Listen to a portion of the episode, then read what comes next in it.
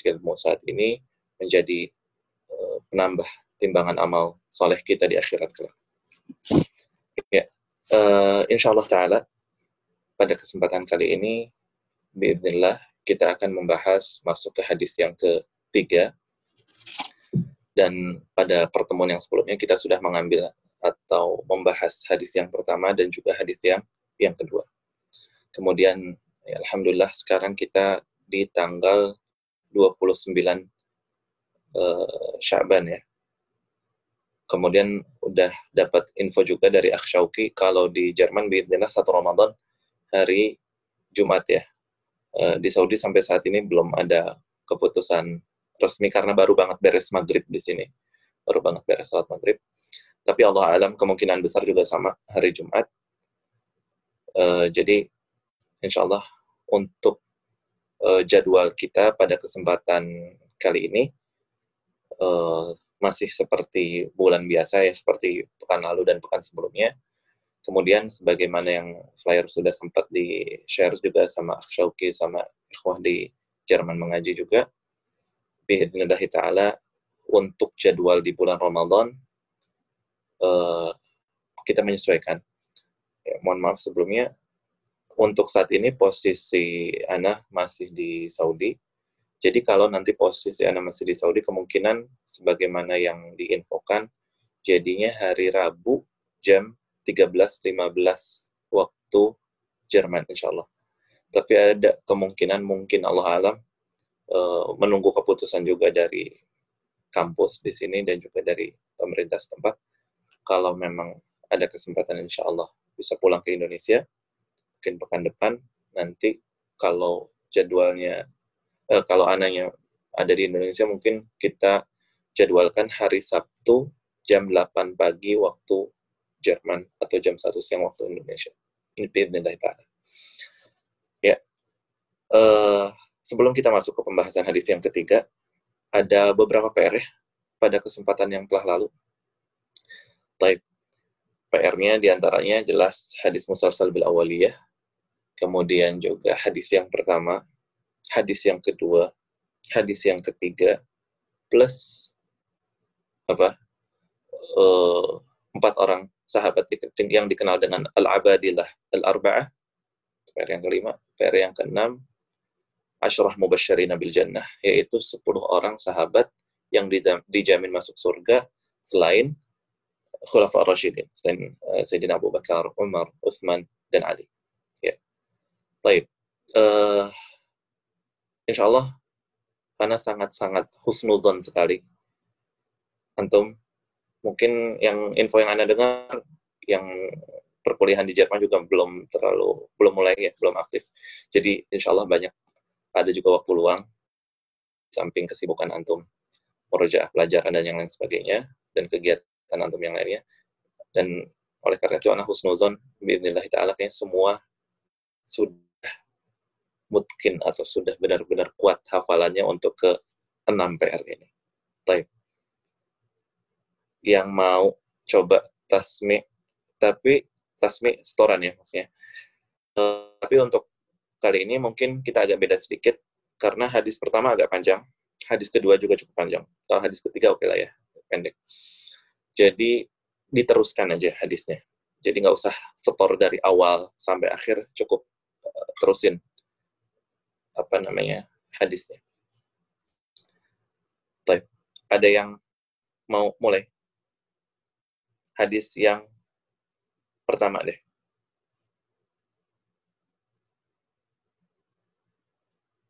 Jangan malu-malu.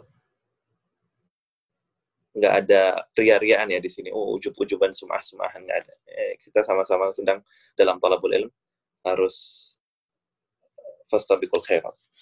Fadal. Hadis yang pertama. Satu dua boleh Ustaz? Satu dan dua. Ahlan sana. Satu dan dua ya? Fadal. Kenapa? Satu dan dua boleh? Satu dulu. Boleh. Tapi satu yang pertama dulu. Oh yang Coba. An Amir Mukminin uh, an, an Amir Mukminin Umar bin Khattab radhiyallahu anhum qala radhiyallahu an radhiyallahu anhu qala Sami'tu Rasulullah sallallahu alaihi wasallam yaqul. Ulangi, sami'tu. Sami'tu Rasulullah sallallahu alaihi wasallam yaqul. Ulangi, sami'tu Rasulullah, Rasuli atau Rasulu? Sami'tu Rasulullah. Sahih. Sami'tu Rasulullah sallallahu alaihi wasallam yaqul. Innamal a'malu binniyat wa innamal likulli imri'in ma nawa. Faman kanat Sampai situ dulu. Sekarang lanjutin ya hadis yang kedua. Oke. Oke. Antalidal amatu rabbataha. antalida amatu rabb an, antalida amatu rabbataha wa antarol uro, wa antarol urotal aliatal ri'a asyai Wa an, antal, ulangi. wa an wa antalidal amata rubbataha wa an wa, Rabbataha. wa antaro wa antaro wa antarol al alata Hufah. Hufah dulu kan? oh ya wa antarol ufatal urotal alatal ri- ri'a asyai Ri'a asya. ri'a asya Hmm. um, yatatawaluna fi bunyan summa talaqa falabistu maliya summa summa qal ya Umar akhbirni anis sa'il qultu Allah qultu Allah Allah wa rasuluh a'lam Thumma qal, ya Umar, ulangi. sum summa summa qal Thumma qal, nggak ada. summa qal summa summa summa summa qal nun. afwan summa qal ya Umar akhbirni anis sa'i- sa'il Akhbirni atau atadri? Atadri anis an sa'il afwan atadri an atadri an sa'il Atadri manis sa'il? manis sa'il atadri manis sa'il Mhm. Allahu wa rasulu a'lam Allahu wa rasulu. a'lam Allahu wa rasulu atau Allahu wa rasuluhu? Allahu wa rasulu Sebentar, sebentar, Oke, Allahu wa rasuluhu a'lam. Afwan, Oke. salah. oke, Sa- oke. Salah di ada, Apa? ada yang kurang di Baik. Allahu wa rasuluhu a'lam. Qala fa innahu Jibril atakum yu'allimukum yata'al eh yu'allimukum benar. Benar. Yu'allimukum dinakum. Ahsan, tabarakallah fiq. Riwayat siapa? Uh, riwahul Muslim. Rawahu? Rawahul Muslim. Ahsan, tabarakallah fiq. Waffaqak Allah. Masya Allah. Baik. Eh, coba sekarang jujur-jujuran ya, nggak nggak ada yang nyontek teks atau laptop atau yang sebagainya. Eh, coba yang bisa menyebutkan tiga di antara sahabat yang dijamin masuk surga selain Khulafa Rashidin. Fadl. Siapa? Selain antum ya? Yang lain. Saya coba Ustaz. Oke. Selain Khulafaur Rashidin, eh, ada Tolhah bin Ubaidillah, Talha bin Ubaidillah, Zubair bin Awam, Zubair bin Awam, Abdurrahman bin Auf, Abdurrahman bin Auf. Ahsan, tabarakallah fiqh. Ya. Coba yang lain, tiga lagi sisanya. Tadi sebutkan Zubair bin Awam, Talha bin Ubaidillah, kemudian Abdurrahman bin Auf. Sisa tiga lagi. Jangan lihat teks ya. Atau lihat rekannya, catatannya. Saya insya Allah Ustaz Fadali. eh, Sa'ad bin Abi Waqqas, Sa'ad bin Abi Waqqas, Abu Ubaidillah bin Jarrah, Abu siapa? Abu Ubaidillah bin Jarrah, Abu Ubaidillah atau Abu Ubaidah? Eh Abu Abu Ubaid. Saya kok ingatnya namanya Abu Ubaidillah ya. Abu Ubaidah ya Ustaz. Abu Ubaidah, taib. Oh, Abu Abu Ubaidah, satu lagi eh, Said bin Zaid. Sa'id bin Zaid. Ahsanti barakallahu fiqh. Jazakillah khairan. Oke. Sekarang yang bisa sebutin empat yang dikenal dengan al-abadilah al-arba'ah. Saya Ustadz, boleh? Baik, fadal. eh, Ibnu Abbas, Abdullah bin Abbas, Abdullah, Abdullah bin. Umar, Abdullah eh, bin eh, Zubair, sama Abdullah bin Abdullah Mas'ud. Sama? Abdullah bin Mas'ud, Abdul Yakin Abdullah bin Mas'ud masuk? kan Ab- Ibnu Umar, Ibnu Abbas, Ibnu eh, Zubair, sama Satu lagi? Eh, itu yang kelima ya Abdullah bin Mas'ud saya lupa. Oke, time. Nggak apa-apa. Barakallahu fiik. Nyebutin tiga. Coba. Yang lain, ada yang tahu? Satu lagi siapa? Tadi udah sebutin Abdullah bin Abbas. Saya lagi Ustaz. Abdullah bin Amr. Abdullah bin Amr bin As. Abdullah bin Amr bin As. Barakallahu fiikum. lupa. Sekarang pertanyaannya. Ada yang tahu nggak? Abdullah bin Mas'ud masuk apa nggak? Tidak. Tidak. Tahu sebabnya? Karena meninggal sebelum empat eh, sahabat tadi. eh, sedangkan eh, ya, sedangkan itu Masya masih muda. Yang Sahih. lain. Sahih. Ahsanti barakallahu. Wafaqillah. Betul. Jadi Abdullah bin Mas'ud oleh para ulama radhiyallahu taala anhu nggak dimasukin ke empat ini ya. Kenapa? Abdullah bin Mas'ud itu tuh sahabat senior. Jadi sahabat secara usia ya itu dibagi dua ya. Ada yang sahabat senior, ada juga sahabat sahabat-sahabat junior. Jadi karena Abdullah bin Mas'ud radhiyallahu taala termasuk sahabat senior dan meninggalnya beliau termasuk awal-awal, maka tidak dikenal dengan eh, termasuk al-abadilah arba'ah ini. Kenapa? Karena abadilah al-arba'ah ini empat-empatnya adalah sahabat-sahabat yang junior semua, sahabat-sahabat muda. Yang mana mereka ini umurnya dekat deketan, nggak terlalu jauh, dan mereka hidup setelah Nabi SAW wafat agak lama ya. Karena mereka ini ketika Nabi SAW hidup, beliau, mereka empat ini, eh, masih anak-anak ataupun remaja. Makanya setelah beliau Shallallahu Alaihi Wasallam wafat, empat orang ini menjadi rujukan bagi tabiin tabiin ya bagi para tabiin murid-murid mereka sehingga kalau ada permasalahan-permasalahan fikih permasalahan-permasalahan yang berkaitan dengan agama kalau mereka pendapatnya sama dikenal ini pendapat abadilah yang empat. Jadi nggak usah eh, ribet-ribet disebutin empat-empatnya namanya siapa aja. Sebutin ini pendapat abadilah. Orang udah pada tahu oh maksudnya abadilah al-arba'ah. Empat orang empat orang ini ya.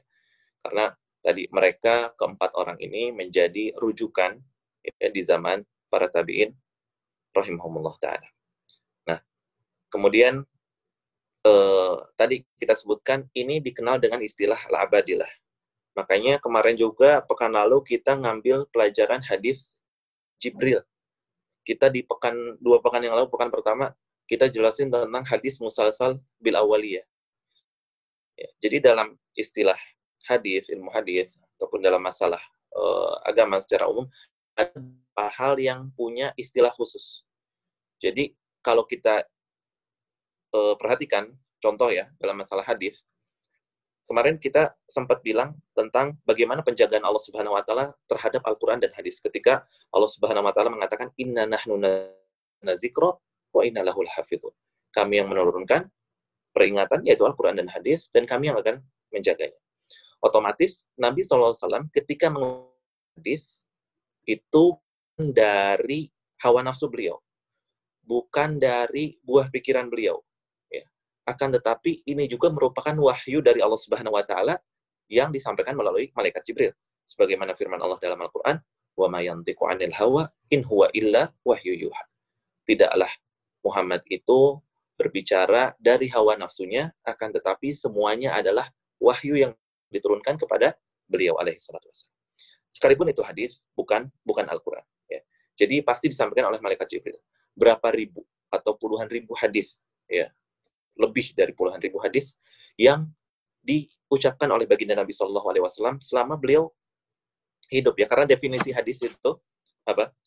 Ma udhifa ila Nabi sallallahu alaihi wasallam min qaulin au fi'lin au taqririn au sifatin khalqiyatin khuluqiyah ini juga perlu dicatat ya eh, bagi yang belum tahu bagi yang udah tahu juga di murojaah lagi karena ini eh, belum kita bahas ya tentang definisi hadis itu sendiri yaitu ma'udhifa segala sesuatu yang dinisbatkan ilan Nabi SAW kepada Nabi SAW dari perkataan, perbuatan, kemudian juga penetapan.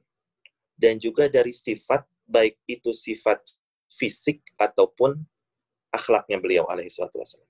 Ya, perkataan banyak contohnya ini hadis-hadis yang sedang bersama kita ini rata-rata hadis tentang perkataan Nabi SAW.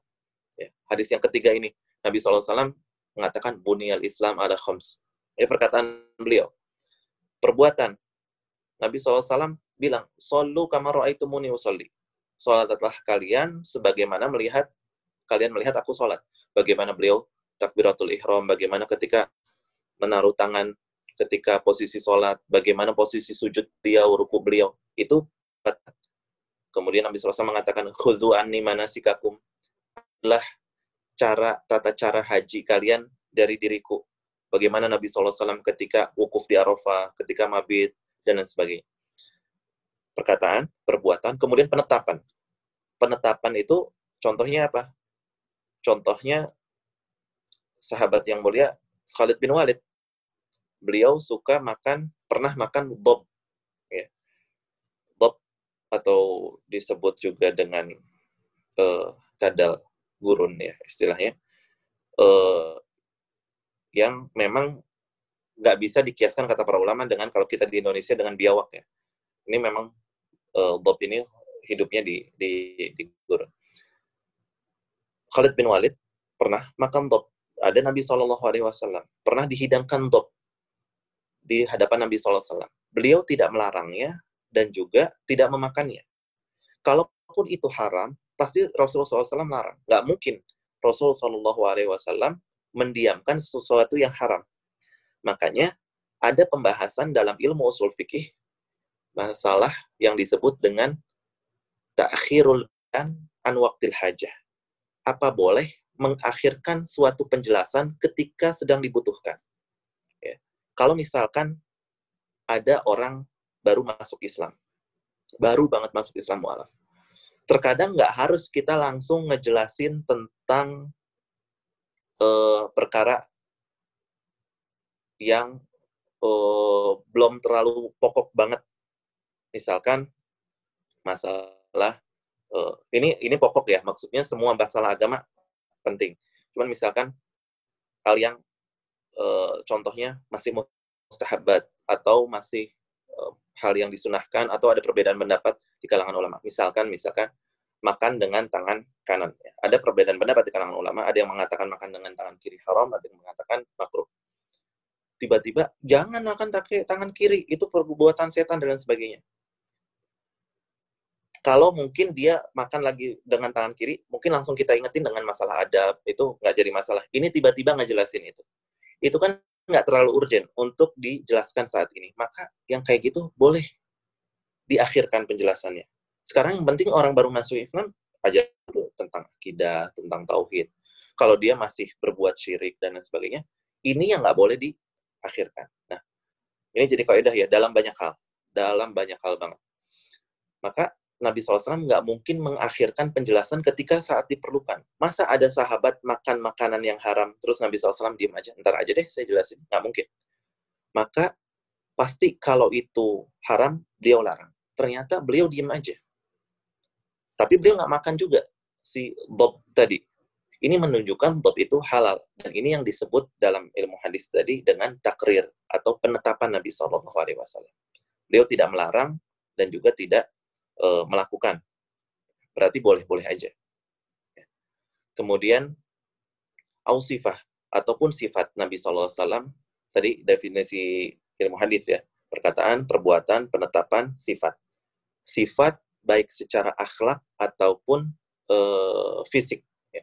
Akhlaknya Nabi SAW dikenal beliau orang yang sangat dermawan, orang yang sangat baik, orang yang sangat murah senyum dan lain sebagainya. Bentuk akhlak. Fisik dikenal Nabi SAW orang yang rupawan, orang yang ganteng, dadanya bidang, tidak terlalu tinggi, tidak terlalu pendek dan lain sebagainya.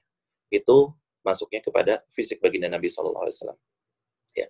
Yang paling banyak tentang fisik disebutkan uh, oleh Imam Tirmidzi ya dalam kitab Syamali Muhammadiyah secara secara detail. Makanya kalau uh, patokan ada orang bilang mimpi ketemu Nabi Sallallahu Alaihi Wasallam ya sesuai nggak dengan ciri-ciri fisik beliau yang disebutkan dalam hadis-hadis yang sahih ya. Karena setan nggak mungkin bisa menyerupai Nabi SAW secara fisik. Tapi mungkin ngaku kalau dia tuh Nabi. Saya ini Nabi. Mungkin aja tapi kalau menyerupai fisiknya nggak makanya kalau ada orang bilang mimpi ketemu Nabi harus disesuaikan dengan hadis-hadis yang ada bentuk fisiknya ketika dia lihat di mimpi itu sesuai itu tidak dengan uh, yang sudah dijelaskan di hadis-hadis yang sahih. Kalau sesuai berarti betul. Ya. Nah, itu tadi ya definisi definisi hadis. Nah, hadis tadi kita tahu banyak banget hadis. Banyak banget hadis. Dari sekian banyak hadis, semuanya pasti disampaikan kepada Nabi SAW, ya, misalkan yang ber, terutama yang berupa perkataan, kemudian juga perbuatan dan penetapan tadi, disampaikan kepada beliau melalui malaikat melalui malaikat Jibril. Ya. Hadis apa pun pasti Nabi SAW menyampaikannya berdasarkan wahyu. Nah, dan semua wahyu disampaikan oleh malaikat Jibril. Tapi yang dikenal dengan hadis Jibril hanya hadis yang nomor dua yang kita bahas pada pekan lalu. Jadi kalau ada orang bilang hadis Jibril, udah pasti hadis Arba'in yang kedua kemarin. Yang tentang iman, Islam, dan Islam, iman, dan ihsan. Walaupun semua hadis, hadis Jibril, karena semua hadis disampaikan kepada Nabi SAW melalui malaikat Jibril. Tapi hadis Jibril dikenal dengan hadis yang kedua. Kemudian, hadis musalsal bil awaliyah. Udah pasti hadis yang ar-rahimuna, irhamuhumur rahman, irhamu man fil ard, irhamku man fis sama. Nggak mungkin hadis lain. Jadi ada istilah-istilah khusus. Begitu juga yang tadi kita bahas tentang al-abadilah al-arba'ah. Nama sahabat yang Abdullah banyak. Nama aslinya Abu Bakar Siddiq siapa? Abdullah juga. Kan? Abdullah bin Abi Kuhafah. Bapaknya Abu Bakar Siddiq, Abu Abu Kuhafah yang nama aslinya adalah Uthman. Abu Bakar Siddiq orang tahu semua Abu Bakar, Abu Bakar, Abu Bakar. Nama aslinya siapa? Nama aslinya Abdullah bin Uthman. Tapi nggak dikenal dengan Al-Abadillah Arba'ah. Kenapa? Beliau juga sahabat senior. Bukan bukan yang junior. Dikelari Abu Bakar karena bakar itu artinya bersegera karena beliau selalu bersegera kepada kepada kebaikan. Kemudian Al-Siddiq yang selalu membenarkan apa yang disampaikan Nabi SAW. Terutama gelar tersebut dikenal dan disematkan kepada beliau setelah peristiwa Isra Mi'raj ya. Karena ketika semua orang Mekah, orang-orang kafir Quraisy nggak percaya, beliau percaya. Karena apa yang disampaikan Nabi SAW, walaupun nggak masuk akal, nggak masuk logika, itu pasti pasti benar itu tadi ya. Jadi intinya dalam beberapa mustalah, dalam beberapa istilah syariat ada beberapa istilah tertentu. Salah satunya tadi kita sebutkan hadis Jibril, hadis Musa bil awaliyah, kemudian juga al-abadilah al-arba'ah, 10 sahabat yang dijamin masuk surga. Ya kan? Kita sebutin bahwa di antara sahabat yang dijamin masuk surga ada Bilal bin Rabah, kemudian juga ada Fatimah putrinya Rasul SAW, kemudian juga ibundanya Anas, ya, Rumaiso atau Gumaiso, dan sahabat-sahabat lain. Tapi kalau Ashrah dikenal Ashrah Mubasharin semua 10 orang yang dikabarin otomatis 10 yang yang tadi. Baik. Kemudian ini juga jadi PR buat pekan depan, bukan pekan depan ya, mungkin insya Allah Taala hari hari Sabtu masih masih pekan ini, biarlah Taala. Uh, yaitu kita tadi ngomong tentang hadis, tentang sahabat, sempat kita singgung juga pertemuan yang sebelumnya bahwa ada beberapa orang sahabat radhiyallahu taala anhum yang dikenal dengan al-mukthirun fi riwayatil hadis, yang banyak riwayatin hadis. Kita sebutin kemarin disebut banyak ini kalau sudah melebihi yang diriwayatkannya lebih dari seribu hadis. Ya. Kalau misalkan masih 999 pun tidak masuk kategori ini ya. Jadi yang dikenal paling banyak ini yaitu yang hadisnya diriwayatkan lebih dari seribu hadis. Ada yang tahu mungkin siapa aja dan berapa orang? Uh, yang saya tahu Ustadz ya, yang saya tahu. Hmm, uh, dari Aisyah radhiyallahu uh, Aisyah radhiyallahu anha. Oke. Okay. Dari uh, Abdullah bin eh, Abdullah bin Mas dari Abdullah bin eh, sorry dari Ibnu Abbas radhiyallahu anhu Oke, Ibnu Abbas. eh, Ibnu Abbas sama Abdullah bin itu yang anda tahu Abdullah, sisanya. Abdullah bin Mas'ud. Baik. Barakallahu fiik. Ada versi lain? Atau ada yang mau menambahkan? Abu Hurairah, Abu. Abu Hurairah, Anas bin Malik, Anas bin Malik, eh, Abdullah bin Umar ya Pak Ustaz. Abdullah bin Umar. Ada lagi? Belum tahu Ustaz. Lanjut. Baik, barakallahu fiik. Jazakillah khairan. Abu Hurairah. Eh, siapa tadi disebutin? Sama waktu tadi Abu Hurairah terus Subhanallah. Ibnu? Abbas. Ibnu Abbas Aisyah. sama yang disebutin Ukti tadi Abu Hurairah, Ibnu Abbas dan Aisyah. Aisyah. Aisyah kayaknya tadi akhi yang pertama. Akhi yang pertama nih, Anas bin Nyebutin. Malik. Anas bin Malik. Jadi totalnya ada berapa sih? Yang ngeriwayatin hadis lebih dari seribu. Kalau nggak salah Ustaz pernah sebut di pertemuan pertama tujuh. Betul, barakallah fikih. Tujuh. Al-Mukfirun itu ada ada tujuh. Ya. Dicari dan dihafal. Ya. Gampang. Sahabat-sahabatnya ma'ruf. Sahabat-sahabatnya memang sering banget kita dengar. Memang sangat-sangat familiar ya. Karena tadi ya, mereka ngeriwayatin lebih dari seribu hadis, terutama Abu Hurairah yang paling banyak lebih dari 5.000 hadis. Kalau nggak salah 5.374. Itu Abu Hurairah. Kemudian Aisyah dan seterusnya. Ya, di, dicari ada tujuh orang sahabat yang paling banyak meriwayatkan hadis hari Sabtu harus sudah hafal semua insya Allah. Baik. Eh, sekarang Bismillah ta'ala kita masuk ke pembahasan hadis yang ketiga tiga.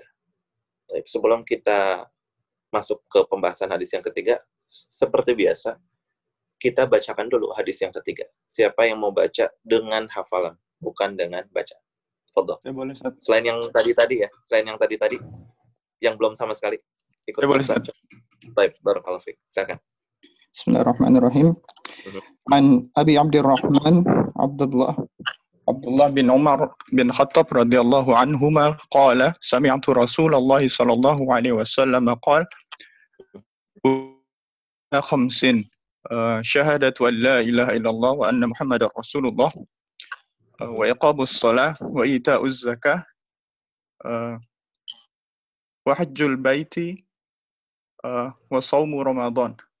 رواه الترمذي ومسلم. Rahu, الترمذي ومسلم. Rahu Tirmidzi wa Muslim. Barakallahu fiik. Eh, eh, baik. Ana jujur, Ana belum pernah ngecek ada yang riwayat Tirmidzi. Mungkin ada ya, mungkin ada. Yang Ana tahu Rah- Rahul Bukhari Muslim. Riwayat Bukhari Muslim. Mungkin ada riwayat Tirmidzi juga. Tapi Ana belum belum pernah ngecek yang riwayat Tirmidzi. Eh, Jazakallah khair. Berarti kita dapat faedah baru. Nanti tapi bisa dipastikan ya, antum ketika menghafal itu eh, memang diriwayatkan oleh Imam Tirmidzi. Nanti kita cek di Anda cek juga, saya ngecek nih, Ustaz. Hmm, Ini saya lewat gimana? di bahasa Arabnya Ah. Rahu At-Tirmidzi wa Muslim, tapi di terjemahannya Sahih Bukhari dan Sahih Muslim. Gimana Ustaz? Mungkin salah cetak ya. Soalnya ma'rufnya hadis ini Bukhari Muslim. Oh, Ma'ruf banget Bukhari Muslim. Yang Tapi Ustaz, juga Baik. eh, Afwan Ustadz di apa di kitab Imam An-Nawawi ditulisnya gitu Ustaz. Saya baca dari Imam An-Nawawi itu nah, diriwayatkan hadis riwayat Tirmizi dan Muslim. Aha, taib. Nah, Jazakillah dalam bahasa Arabnya dan bahasa Indonesianya gitu. Taib. Jazakallah khair. Barakallah fiik.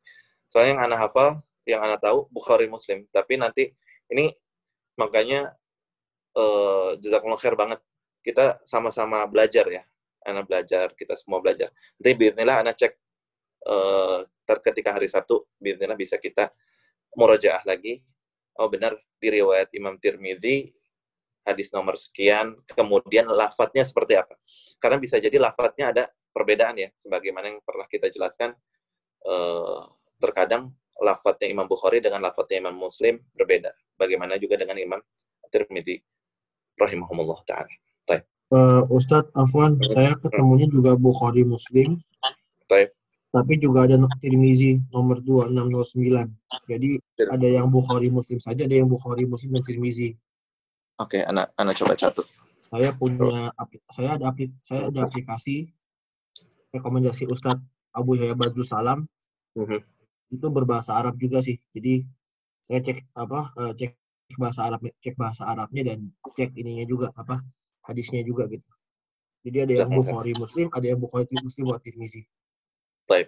Yang Tirmizi tadi 2629 ya. 2609 09 atau 29? 09. Oh, Jadi- 0. 2.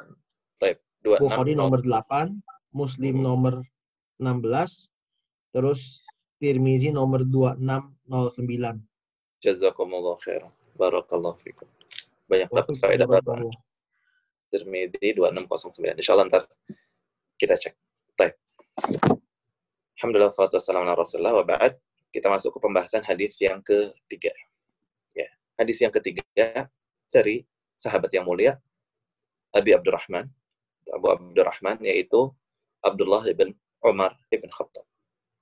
Putra dari sahabat yang mulia Khalifah Umar ibn Khattab radhiyallahu taala. Tadi kita sebutin Abdullah bin Umar masuk ya ke Al-Abadilah Al-Arba'ah. Karena beliau lahir eh, Abdullah bin Umar itu sekitar 10 tahun sebelum hijrahnya Nabi Wasallam. Beliau lahir di Mekah, ya berarti kurang lebih sekitar kalau Nabi SAW di Mekah 13 tahun dakwah, ya berarti sekitar awal-awal di tiga tahun pertama beliau berdakwah, Abdullah bin Umar lahir. Ya, kemudian ketika Nabi hijrah ke Madinah, usia Abdullah bin Umar ketika itu berarti 10 tahun. Ya, karena beliau eh, lahir 10 tahun sebelum hijrah. Dan beliau wafat di tahun 73 Hijriah. Berarti usia beliau kurang lebih 83 tahun. Radhiyallahu ta'ala. Jadi 73 tahun kurang lebih eh, setelah hijrah atau berarti beliau hidup kurang lebih sekitar 60 tahun lebih setelah Nabi SAW wafat. Makanya nggak heran Abdullah bin Umar termasuk menjadi sahabat yang eh, memiliki banyak murid dari kalangan para tabiin. Kenapa? Karena sahabat-sahabat yang lain ketika sudah wafat Abdullah bin Umar eh, masih ada dan masih menyampaikan ilmu yang beliau miliki. Radhiyallahu taala anhu. Abdullah bin Umar jelas putranya Umar bin Khattab. Ya, kita tahu lah Abdullah bin Umar, Ibnu Umar, sering sering dengar. Ada yang tahu nggak? Nama ibunya siapa? Jangan googling. Ada yang tahu nggak? Kalau googling, insya Allah langsung mungkin ketemu ya. Bisa. Sama dengan ibunya Hafsah. sama dengan ibunya Hafsah barakallahu fiik. Ini kebetulan benar. Emang benar. Karena eh Ana lagi nggak membahas tentang masalah yang sensitif, terutama para akhwat tentang masalah poligami enggak ya. Tapi memang Abdullah bin Umar dengan Hafsah satu ibu. Karena Abdullah bin Umar dengan putra Umar yang lainnya beda ibu. Yang satu ibu hanya dengan Hafsah aja. Nah, sama dengan ibunya Hafsah. Ada yang tahu nggak namanya siapa? Nama istrinya Umar bin Khattab sekaligus ibunda dari Hafsah dan ibunda dari Abdullah. Baik. Ummu Abdullah bukan Ustaz. Iya. Siapa? Ummu Abdullah bin Umar. Oke. Ummu Abdullah. Benar. Hah? Ummu Abdullah atau Ummu Hafsah? Ya, dua-duanya. Oh, Dua-duanya. Tapi dikenalnya kalau Umar bin Khattab kunyahnya Abu siapa? Abu Hafsah. Abu Hafs. Abu Hafs. Abu Hafs, ya kan? Abu Hafs. Berarti ummu, uminya atau istrinya dikenal juga dengan Ummu Ummu Hafsah. Karena Hafsah eh, kalau nggak salah memang eh, kakaknya Abdullah ya, kakaknya Abdullah ibn Umar. Ya. Tapi yang jadi pertanyaan, nama aslinya siapa? Bukan kunyahnya, bukan ibunya siapa, bukan istrinya siapa, tapi nama asli. Baik.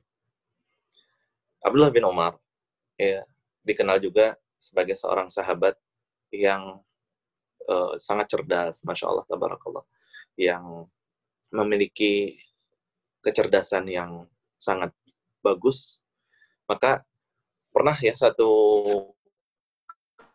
ketika Rasul Wasallam lagi ngumpul dengan para sahabat radhiyallahu taala. Beliau eh, sebagai benar-benar uswah ya. Makanya nggak heran ketika Aisyah mengatakan karena khuluqul Quran, akhlaknya Nabi SAW adalah Al-Quran. Kemudian juga Allah Subhanahu wa taala mengatakan dalam surat Al-Ahzab, laqad kana lakum fi Rasulillah uswatun hasanah. Emang contoh terbaik di semua sisi. Kemarin di hadis kedua kita udah jelasin gimana metode tarbiyahnya beliau, metode pengajarannya beliau alaihi salatu wassalam. Nah, beliau juga tipikal bukan orang yang terlalu serius. Beliau juga tipikal orang yang humoris. Ingin menyampaikan sesuatu tapi dengan menyegarkan suasana main tebak-tebakan dengan para sahabat radhiyallahu taala biar mereka juga mikir ya. Me, Nabi SAW memberikan pertanyaan apa nih kira-kira? Ayo coba ada yang tahu ada yang tahu dan lain sebagainya. Ini pun metode pengajaran Nabi SAW pas satu ketika Nabi SAW pernah ngumpul dengan para sahabat kemudian tebak-tebakan. Pohon pohon apa? Tapi nggak nggak ini ya bukan tebak-tebakan yang alay, tebak-tebakan yang ada manfaatnya tentu mungkin Nabi SAW. Ya istilahnya kalau kita terjemahkan itu secara bebas, pohon-pohon apa yang semua bagiannya bermanfaat, batangnya, daunnya, buahnya, semuanya. Nggak ada dari pohon ini yang nggak bisa dimanfaatkan, semuanya bermanfaat. Ya kan? Nah, para sahabat akhirnya coba nebak pohon anu, pohon ini, pohon ini, pohon ini mereka nyebutin pohon-pohon yang ada di hutan, pohon-pohon yang asing. Akhirnya nggak ada sahabat yang bisa jawab dengan betul. Kemudian Nabi SAW kasih tahu pohon apa sih? Yaitu pohon kurma. Kata para sahabat, oh iya ya gitu istilahnya. Kenapa berpikir jauh-jauh pohon ini, pohon ini, padahal kurma ya mereka sebagai orang Arab, orang yang tinggal di Madinah, kurma ya kehidupan sehari-hari mereka yang ngelihat kurma gitu ngelihat pohon kurma. Kenapa nggak kepikiran nyebut pohon kurma malah nyebut yang aneh-aneh yang jauh-jauh gitu. Nah, karena semua bagian dari kur, pohon kurma bisa dimanfaatkan ya. Batangnya Nabi Sallallahu Alaihi membangun masjid Nabawi tiang-tiangnya dengan batang apa uh, batang kurma pohon kurma ya. Kemudian juga daunnya bisa menjadi atap buahnya ketika muda jadi rutob, ketika sudah matang juga menjadi buah kurma dan lain sebagainya. Intinya semua bagiannya bermanfaat. Nah, Nabi SAW mengatakan dan begitulah seharusnya seorang mukmin ya bisa bermanfaat. Nah, Abdullah bin Umar ada di majelis tersebut. Kemudian pas udah pulang ke rumah, Abdullah bin Umar bilang ke ayahnya, Umar bin Khattab, wahai ayahku, sebenarnya aku tahu tadi itu jawabannya pohon kurma. Terus kata Umar, ya kenapa nggak ngomong? Harusnya bilang. Kenapa Umar bin Khattab wajar ya sebagai seorang ayah bangga di antara para sahabat lagi pada ngumpul depan Nabi Shallallahu Alaihi Wasallam nggak ada yang bisa jawab, anaknya bisa jawab kan Umar otomatis ikut bangga kan, oh anaknya nih, oh masya Allah anaknya Umar nih yang bisa jawab, wajar seorang seorang ayah seneng gitu anaknya bisa jawab pertanyaan dari Rasulullah SAW, anaknya cerdas kan, kenapa nggak jawab? Ini pun, Masya Allah, ya, kita belajar adab dari Abdullah bin Umar. Abdullah bin Umar bilang, enggak, malu, segan. Kenapa? Banyak sahabat-sahabat yang senior di situ. Ada Abu Bakar, ada Utsman, ada Ali, ada sahabat-sahabat lain. Ini Abdullah bin Umar masih masih anak-anak ketika itu. Kita sebutkan tadi, ketika hijrah ke Madinah aja, usia Abdullah bin Umar masih 10 tahun. Ini anak 10 tahun jawab, padahal ada Abu Bakar yang udah bapak-bapak, bapaknya sendiri juga belum bisa jawab dan yang lain banyak sahabat senior nggak bisa jawab. Kayaknya Abdullah bin Umar segen untuk untuk jawab. Nah, karena husnuzon kayaknya antum nih tadi mau jawab pertanyaan pada segen sama teman-teman antum lain ya ngikutin sirahnya Abdullah bin Umar untuk jawab pertanyaan siapa nama ibundanya Abdullah bin Umar kayaknya insya Allah banyak yang tahu, cuman pada malu-malu. Gak usah malu-malu ya. Dalam hal ini, kita uh, santai aja, nggak usah dalam hal ini nggak nggak mencontoh Abdullah bin Umar. untuk segen-segenan ya karena kita bukan di hadapan para sahabat di hadapan para rasul uh, rasul sallallahu. Cuman memang tadi kita ngambil pelajaran pelajaran adab. Baik. Nama ibundanya Abdullah bin Umar atau istri dari Umar bin Khattab, ibundanya juga dari Hafsah, yaitu namanya Zainab binti Mazun. Mazun pakai dho ya. Zainab binti Mazun. Zainab binti Mazun. Siapa Zainab binti Mazun ini? Zainab binti Mazun adalah saudari dari saudaranya Zainab yang bernama Utsman bin Maz'un atau pamannya Abdullah bin Umar atau iparnya Umar bin Khattab. Siapa Utsman bin Maz'un? Utsman bin Maz'un adalah sahabat yang dari kaum muhajirin pertama yang meninggal di Madinah. Utsman bin Maz'un sahabat yang pertama kali meninggal di Madinah di kalangan muhajirin dan sahabat pertama yang dikuburkan di kuburan Baki. Kita mungkin tahu ya, bagi yang sudah umroh, sudah haji ataupun yang belum, kuburan Baki bukan suatu yang asing ya. Kita tahu kuburan Baki di Madinah, semua penduduk Madinah yang meninggal dikuburkan di Baki. Yang ahlu sunnah ya, yang ahlu sunnah. Karena uh, dulu pernah waktu itu kita lagi ada praktek untuk uh, tata cara pemandian jenazah kita ke sana ke Baki sama teman-teman kemudian akhirnya uh, praktek pemandian jenazah. Dan tiba-tiba ada jenazah datang udah gitu nggak nyampe dua ya sekitar tiga menit lah lima menit paling lama. Habis itu keluar lagi dibawa lagi sama keluarganya. Kita heran nanya ke penjaga atau petugas di kuburan baki tersebut. Istilahnya pak belum juga dimandiin, belum juga diurusin dan lain sebagainya, kok langsung dibawa balik lagi? Iya, itu cuman buat pendataan aja, buat bikin surat kematian, kita cek, oh iya, ini uh, jenazahnya sudah uh, meninggal, karena prosedurnya seperti itu ya kalau di sini. Uh, jadi nanti kita bikinkan surat kematian. Nah, iya, kenapa yang jadi pertanyaan? Kenapa nggak dimandiin? Terus nanti kan juga pastinya mau disolatin di Nabawi dikuburin juga di Baki. Enggak. Kenapa? Karena dia orang Syiah.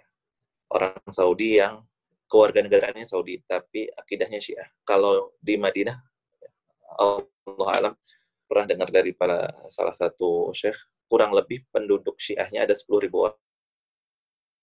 orang tinggalnya mereka di depan uh, atau sekitar seberangan kuburan Baki ya, arah timurnya Masjid Nabawi. Di situ perkampungan mereka. Mereka kalau meninggal nggak mau dikuburin di Baki, nggak disolatin di Nabawi. Padahal kalau kita pengen banget ya dikuburin di Baki, jelas apalagi meninggal di Madinah menjadi fadilah atau keutamaan tersendiri ya. Orang yang meninggal di Mekah nggak dapat keutamaan sebagaimana orang yang meninggal di Madinah. Apalagi dikuburin di Baki, dikunjungi orang, didoain banyak orang dan lain sebagainya. Tapi ternyata orang Syiah nggak mau dikuburin di di Baki. Nah, tadi kuburan Baki ma'ruf. Setiap yang meninggal di Madinah, siapa pun, mau itu jemaah umroh, mau jemaah haji, mau orang Saudi, bukan orang Saudi, siapa pun pasti yang ahlu sunnah wal jamaah dikuburkannya di di kuburan Baki. Kalau Mekah enggak ya, enggak semuanya dikuburin di Ma'la. Ya, ada kuburan ini uh, Khadijah radhiyallahu anha kan di Ma'la. Tapi di Mekah ada beberapa area pekuburan. Jadi di mana aja kadang tergantung dengan uh, kondisi yang ada untuk saat ini malah misalkan tidak uh, untuk sembarang orang hanya untuk yang oke okay, ya gitu intinya tadi bahwa kita senang eh, sering dengar dengan istilah baki dan sahabat yang pertama kali dikuburkan di baki itu pamannya Abdullah bin Umar yang bernama Uthman ibn Maz'un ya, paman dari dari ibunya Baik, kita lanjutkan. Ya. Uh, hadis yang ketiga ini berkenaan dengan rukun Islam. Sekarang mungkin ada pertanyaan. Set, bukannya kemarin kita di awal mukodimah pernah dijelasin bahwa Imam Nawawi ketika mau nulis hadis arba'in ini, beliau memilah-milih hadis yang mana hadis tersebut hadis-hadis yang pokok dan eh, jadi landasan dalam agama Islam. Tentunya beliau juga mempersyaratkan tidak akan mengulang hadis, tidak ingin mengulang hadis. Kok? Kenapa ya? Hadis yang ketiga ini tentang rukun Islam padahal pernah dijelaskan juga disebutkan dengan hal yang sama rukun Islam di hadis yang ke kedua. Gitu ya. Mungkin ada di antara kita yang terbersih ngapain ini disebutin rukun Islam lagi? Kan udah ada di hadis yang kedua. Soalnya kalau benar-benar mau 40 hadis kan dari sekian banyak hadis pastinya milih-milih yang mana ya hadis yang cocok mana ya hadis yang pas untuk ditaruh istilahnya karena space-nya terbatas eman-eman kalau sampai harus diulang-ulang tentunya cari hadis yang lain. Nah, makanya Masya Allah Tabarakallah ini di antara kefakihannya Al-Imam An-Nawawi rahimahullah ta'ala. Kalau kita perhatikan di hadis yang kedua, ya, ketika malaikat Jibril itu menanyakan kepada Nabi Shallallahu Alaihi Wasallam tentang rukun Islam, beliau atau malaikat Jibril mengatakan apa? Akhbirni anil Islam. Kabarin wahai Muhammad kepadaku, apa sih itu Islam? gitu kan lafadznya teksnya seperti itu kalau kita perhatikan di hadis yang ketiga Nabi saw mengatakan bunyal Islam ala khams Islam itu dibangun atas lima perkara jadi Imam Nawawi kata para ulama di antaranya Syekh Atiyah Salim beliau mengatakan Imam Nawawi ingin menjelaskan bahwa hadis yang ketiga ini untuk mempertegas lagi masalah rukun Islam. Dan bukan sekedar rukun dan definisi Islam itu apa aja, tapi disebutkan bunyal Islam. Islam itu dibangun atas lima perkara. Jadi yang namanya rukun, yang namanya bangunan adalah inti dari uh, satu hal ya satu satu perkara. Makanya Islam itu gak mungkin benar Islam seseorang kecuali dibangun di atas lima perkara ini. Maka Imam Nawawi ingin mempertegas ya, yang pertama, yang kemudian yang kedua ingin menjelaskan bahwa di sini juga ada perbedaan lafaz dan tadi dengan perkataan lafaz di hadisnya Abdullah bin Umar ini bunyal Islam. Islam itu dibangun atas lima perkara. Sedangkan di hadis yang kedua hanya menjelaskan Islam. Islam itu ini ini ini gitu kan. Tapi di hadis yang ketiga ini Islam itu dibangun ya, dengan lafaz bunyal Islamnya tadi atas lima perkara. Yang pertama syahadat la ilaha illallah wa anna muhammadan rasul. Kita udah jelasin juga kemarin tentang makna makna syahadat. Makna syahadat bahwa definisi dari la ilaha illallah yang benar adalah la ma'budu bihaqqin illallah. Gak ada yang berhak disembah melainkan Allah Subhanahu wa taala. Dan ini yang kita jelasin juga kemarin bahwa ini terjemahan yang pas untuk la ilaha illallah. Kalau tidak ada Tuhan selain Allah, kata para ulama, ya itu per, uh, terjemahan atau makna yang kurang tepat. Akan tapi yang tepat adalah tidak ada Tuhan yang berhak disembah melainkan Allah Subhanahu wa taala. Ya. Oke, uh, sambil kita lanjut, kalau ada pertanyaan silahkan ya ditulis di kolom chat. Nanti kita jawab di akhir sesi biidznillah ta'ala. Oke. Uh, tadi la ilaha illallah. Kita juga sebutin kemarin di sini terdiri rukunnya terbagi menjadi dua ya. Yang satu nafi yaitu peniadaan, kemudian yang satu lagi yang kedua adalah isbat yaitu penetapan. Yang ditiadakan adalah tadi tidak ada Tuhan yang berhak disembah kemudian illallah kecuali Allah Subhanahu wa taala. Tentunya anak yakin di sini antum-antum semua sudah paham betul tentang tauhid, kemudian bahayanya syirik ya. dan benar-benar akidah atau tauhid ini modal utama kita masuk kepada ke dalam surganya Allah Subhanahu wa taala. Ya, apa berdasarkan firman Allah dalam Al-Qur'an, "Innallaha la yaghfiru ayyushraka bihi wa yakfiru ma duna dzalika liman yasha. Allah nggak akan ngampunin dosa syirik ya dan mengampuni dosa selain syirik bagi yang Allah kehendaki.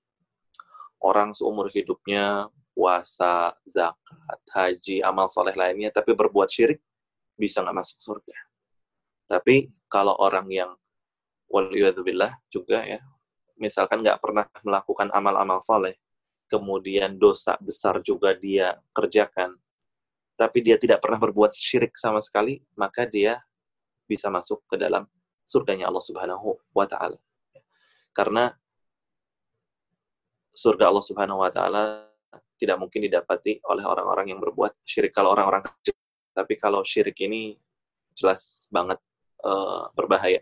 Nabi SAW aja diwanti-wanti sama Nabi uh, sama Allah Subhanahu wa taala kalau berbuat syirik maka amalanmu akan gugur. Ini Nabi ya. Gimana kita yang orang orang biasa pasti kalau kita berbuat syirik waliyadzubillah amalan tentu akan akan gugur. Nah, berkaitan dengan syirik kita murojaah lagi ya.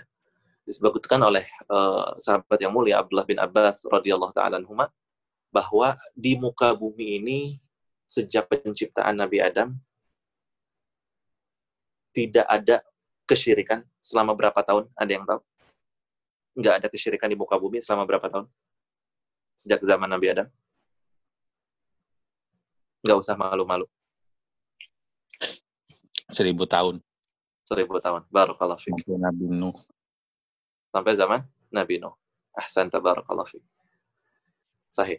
Seribu tahun atau sepuluh?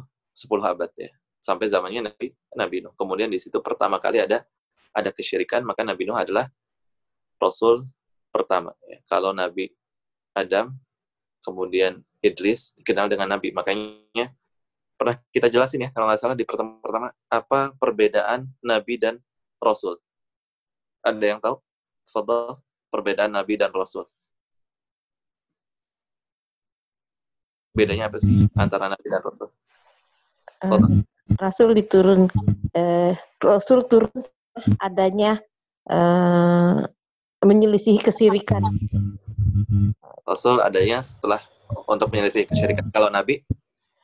Kalau Nabi untuk uh, menyampaikan daripada uh, risalah uh, risalah baru risalah baru uh, untuk umat ya risalah baru untuk umatnya itu nabi berarti kalau rasul ya. risalah lama uh, enggak kalau kalau kalau ras, uh, dalam nabi itu tidak ada belum ada kesirikan jadi hanya menyampaikan dari Allah wahyu Allah tapi kalau okay. rasul itu di sini untuk menyelisih karena sudah ada uh, kesirikan seperti Baik, berarti kalau nabi itu tidak ada kesirikan kalau rasul berarti umatnya ada kesirikan eh, sudah ada ya kesirikan. Sudah ada kesirikan. Oke, okay. sekarang pertanyaannya Nabi Musa di zamannya ada kesirikan nggak? Hah? Di zaman Nabi Musa ada kesirikan nggak? Nabi Musa ada, ada Nabi Musa. Ada. Jelas. Nabi Musa jelas ada ya. ya. Nah, tapi Nabi Musa dikenal sebagai Rasul atau dikenal sebagai Nabi? Nabi. Nabi. Tapi katanya tadi kesyirik. Kalau Rasul ada kesyirikan, gimana? Baik, barakallah fiik. Dari akhiran. Iya, nggak apa-apa. Bagus. Nggak bagus. Barakallah fiik. Ada yang mau coba nambahin perbedaan Nabi Rasul? Insya Allah. Uh, ya, uh, kalau Nabi uh, hmm.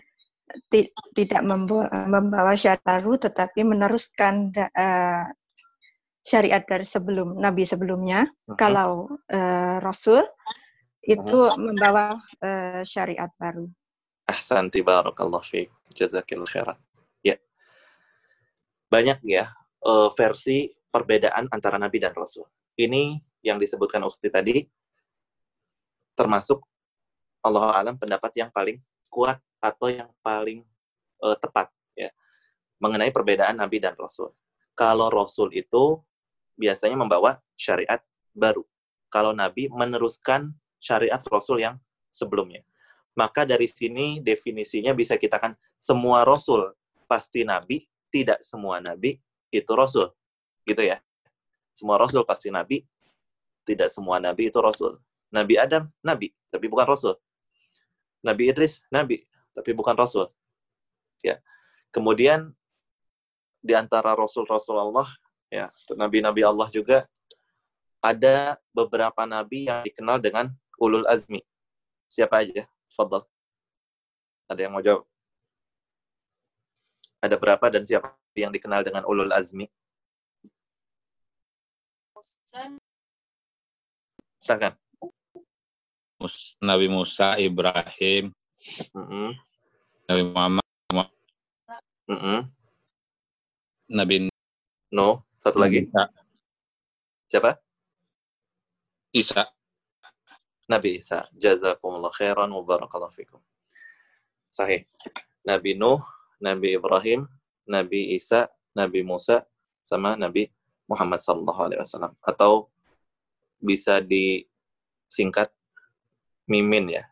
Untuk gampangnya aja. Musa, Isa, Muhammad, Ibrahim, Nuh. Ya. Itu nabi-nabi yang dikenal dengan ulul azmi atau rasul-rasul yang dikenal dengan ulul azmi. Kenapa ulul azmi? Karena cobaannya berat. Cobaannya benar-benar berat. Ya, kita hampir semua tahu ya gimana cobaan dari kelima orang nabi ini. Nabi Nuh dakwah 950 tahun. Anaknya sendiri kufur, istrinya sendiri kufur. Ya. Tapi perlu diingat kaedah ini ya. Ketika istri nabi itu disebutkan misalkan dalam surat At-Tahrim ya. Ya Allah Subhanahu wa taala ketika menyebutkan permisalan wanita yang masuk surga dan wanita yang di neraka. Disebutkan dua orang wanita di surga, dua orang wanita di neraka. Yang disebutkan wanita yang di neraka adalah dua-duanya istri Nabi, istri Nabi Nuh dan istri Nabi Lut ya. Ini disebutkan dalam oleh Allah Subhanahu wa taala fakhonatahuma mereka berdua ini berkhianat kepada suami mereka. Para ulama sepakat istri Nabi yang disebut oleh Allah berkhianat, ya, karena ada juga ya nabi-nabi yang tidak ada pengikutnya, ada nabi yang pengikutnya cuma satu atau dua. Kaidah kata para ulama, istri nabi misalkan dia tidak beriman kepada suaminya, kepada nabi tersebut dan berkhianat di sini mohon maaf bukan berkhianat masalah uh, rumah tangga dalam arti berselingkuh atau punya cowok lain, idaman lain enggak. Tapi maksudnya berkhianat di sini dalam masalah masalah akidah. Jadi para nabi Allah Subhanahu wa taala uji mereka misalkan dengan keluarga yang tidak taat seperti contohnya Nabi Nuh dan Nabi Lut, tapi pasti Allah jaga dalam masalah uh, urusan rumah tangganya dalam arti tidak dikhianati uh, dalam masalah rumah tangga si istrinya nyeleweng dengan cowok lain. Itu nggak mungkin. Ini kaidah yang disebutkan para ulama. Oke, tadi Nabi Nuh, kemudian Nabi Ibrahim. Nabi Ibrahim juga kita tahu baru punya anak, disuruh bawa anaknya ke Mekah, Hajar sama istrinya ya. Istri Hajar Ismail lagi ke Palestina dan seterusnya. Ya, banyak sekali ujian Nabi Ibrahim. Begitu juga Nabi Musa, Nabi Isa, Nabi Muhammad SAW. Maka ini dikenal dengan Nabi Nabi Ulul Ulul Azmi. Nah, eh, maka ulul azmi tadi kita sebutkan mereka adalah para nabi yang atau para rasul yang punya punya banyak ujian. Tadi kita juga sebutkan perbedaan antara nabi dan nabi dan rasul. Di antaranya kalau nabi itu meneruskan syariat rasul sebelumnya, kalau rasul punya syariat syariat baru. Ya, makanya Allah Subhanahu wa berfirman dalam Al-Qur'an kata Allah, "Walikullim minhum walikulin ja'alna minhum syir'atan wa minhaja kata Allah Subhanahu wa taala. Dan di antara setiap mereka kami jadikan syariat-syariat dan manhaj-manhaj. Maksudnya syariatnya berbeda-beda antara satu nabi dengan nabi yang lain. Contoh yang paling uh, jelas misalkan syariatnya Nabi Musa. Nabi Musa umatnya kalau mau bertobat gimana caranya? Syarat tobatnya Bunuh diri. Musa, bunuh bunuh diri. Kalau umat Nabi Muhammad syarat tobat ada berapa? Atau sebutkan eh, menyesali perbuatannya, menyadari terus terus eh, meminta Allah agar tidak ber, apa agar eh, agar ber- eh, meminta tobat kepada, kepada Allah. Dan yang berikutnya adalah tidak mengulangi perbuatan perbuatan. tidak mengulangi perbuatannya. Baik. Kemudian kalau kaitannya dengan eh, hak orang lain harus Dimaafkan, dikembalikan. dikembalikan. dikembalikan. Kemudian kalau kaitannya dengan waktu, tobat diterima sebelum dua waktu, yaitu ketika Sebelum sebelum sebelum meninggal dan se- sebelum matahari terbit di eh, barat. Maksudnya hari kiamat. Baik. Sebelum meninggal ketika nyawa berada di Sakaratul maut. Di kerongkongan, di kerongkongan ya. Baik, barakallahu fikum jazakumullah khairan. Itu ya. Jadi subhanallah syariat Nabi Musa orang mau tobat nggak ada cara lain bunuh diri. Udah. Kata Allah Subhanahu wa taala adalah disebutkan kan faqtulu anfusakum zalikum khairul lakum inda bariikum fataba alaikum. Bunuh diri. Syariat umat Nabi Muhammad sebagaimana disebutkan sama ikhwah kita tadi bahwa menyesali kemudian bertekad nggak mau ngulangin lagi kemudian juga eh, mengembalikan hak orang lain dan sebelum waktu waktu terlarang. Nah, ini bagaimana eh, perbedaan ya tadi kita lihat perbedaan antara nabi dan nabi dan rasul. Nah, kita kembali ke eh, pembahasan tadi ya. Bunyal Islam ala khams syahadah alla ilaha illallah wa anna Muhammadan Rasulullah. Bahwa syahadat tidak ada Tuhan yang berhak disembah melainkan Allah Subhanahu wa taala. Benar-benar nggak boleh berbuat kesyirikan. Contohnya misalkan ya, yang syirik sekarang orang syirik tapi nggak terasa. Misalkan sekarang lagi musim corona, orang bilang, ya Allah untung aja ya ada para tenaga medis. Kalau nggak ada mereka gimana coba pasien-pasien itu? Sahih, betul. Kita sangat-sangat mendukung dan mencintai mereka jazahumullah khairan para tenaga medis. Tapi hati-hati kalimatnya jangan sampai ada kecampur syirik. Untung aja ada mereka. Coba bayangin kalau nggak ada mereka nih para tenaga medis, gimana coba masyarakat kita nih para korban ini pasien-pasien. Ini kalimatnya seolah-olah ya memang betul bagaimana peran dan masya Allah jasa para tenaga medis dan juga yang yang lainnya ya yang berjasa terutama ketika musim pandemi seperti ini. Tapi hati-hati jangan sampai ada kata-kata yang tercampur dengan kesyirikan. Nggak boleh ya disebutkan dalam hadis juga. Kalau bukan karena kamu, kalau bukan karena dia, coba aja nggak ada dia, dan lain sebagainya. Maka sebutin, kalau bukan karena Allah, kemudian. Ya. Penting menyebutkan kata kemudian, bukan dan karena beda ya antara dan dan kemudian kita dalam bahasa Indonesia juga beda dan maknanya sama kalau misalkan kita bilang datang Ahmad dan Umar berarti Ahmad sama Umar datangnya bareng-bareng. Kalau kita bilang datang Ahmad kemudian Umar. Berarti yang urutannya Ahmad dulu baru Umar. Beda kan? Kemudian bermakna urutan. Maka disebutkan oleh Nabi SAW diajarkan oleh beliau boleh tapi mengatakan dengan kemudian.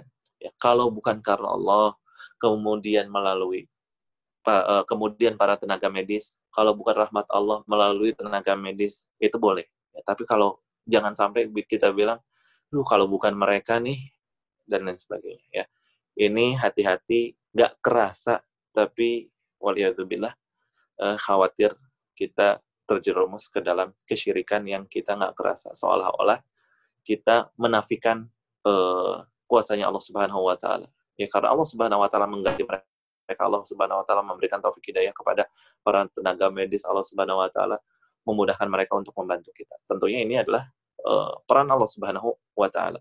Ya. Walaupun kita nggak berniat berbuat kesyirikan akan tetapi penting uh, pelafazan itu ya, ucapan itu itu sangat uh, sangat berpengaruh. Berkaitan dengan ucapan, coba dimurojaah lagi. Definisi iman yang kemarin kita sebutin pertemuan yang lalu karena juga kaitannya sama Islam sekarang. Definisi mana, Pak? Jangan nyontek. Fadal ada yang tahu? Um, ini kan rukun iman atau rukun iman atau uh, ini atau definisi definisi definisi imannya sendiri. Definisinya iman. Apa? Bukan rukun iman ya. Kalau rukun iman yang enam insya Allah kita semua tahu. Definisi iman. Kita secara sebutin bahasa percaya. Iya, silahkan. Secara bahasa percaya. Secara bahasa percaya. Oke, secara istilah?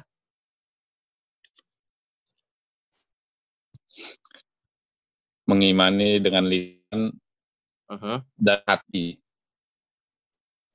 Kemudian Da- di- dan dilakukan dengan perbuatan. Oke. mungkin. Ah, Afwan bisa boleh nambah. boleh nambah Oke. Ustaz? Boleh Silakan. nambah. Silakan. diyakini dengan hati, diucapkan Mhm. dengan lisan, dilakukan Mhm. dengan perbuatan. Oke. Iman itu dapat bertambah dan, dan berkurang. Iman Baik. bertambah karena kebaik karena perbuatan baik dan turun karena kemaksiatan. Baik, ahsantum barakallahu fikum. Khair buat semuanya. Penting ya yang tadi juga tambahan terakhirnya bertambah dan berkurang karena kalau kita belajar lebih dalam lagi insya Allah tentang masalah akidah ada orang yang berakidahkan Mu'tazilah karena akidah Mu'tazilah yaitu iman stagnan di tempat gitu-gitu aja nggak nambah nggak kurang imannya Abu Bakar kemarin kita jelasin juga ya sama imannya pencuri sama imannya orang yang bejat ahli maksiat sama. Maka penting tadi untuk disebutkan bertambah dengan ketaatan dan berkurang dengan kemaksiatan. Maka harus mencakup tiga hal tadi ya perkataan perbuatan dan juga keyakinan. Sebagaimana yang kita jelaskan dalam definisi iman pekan pekan lalu.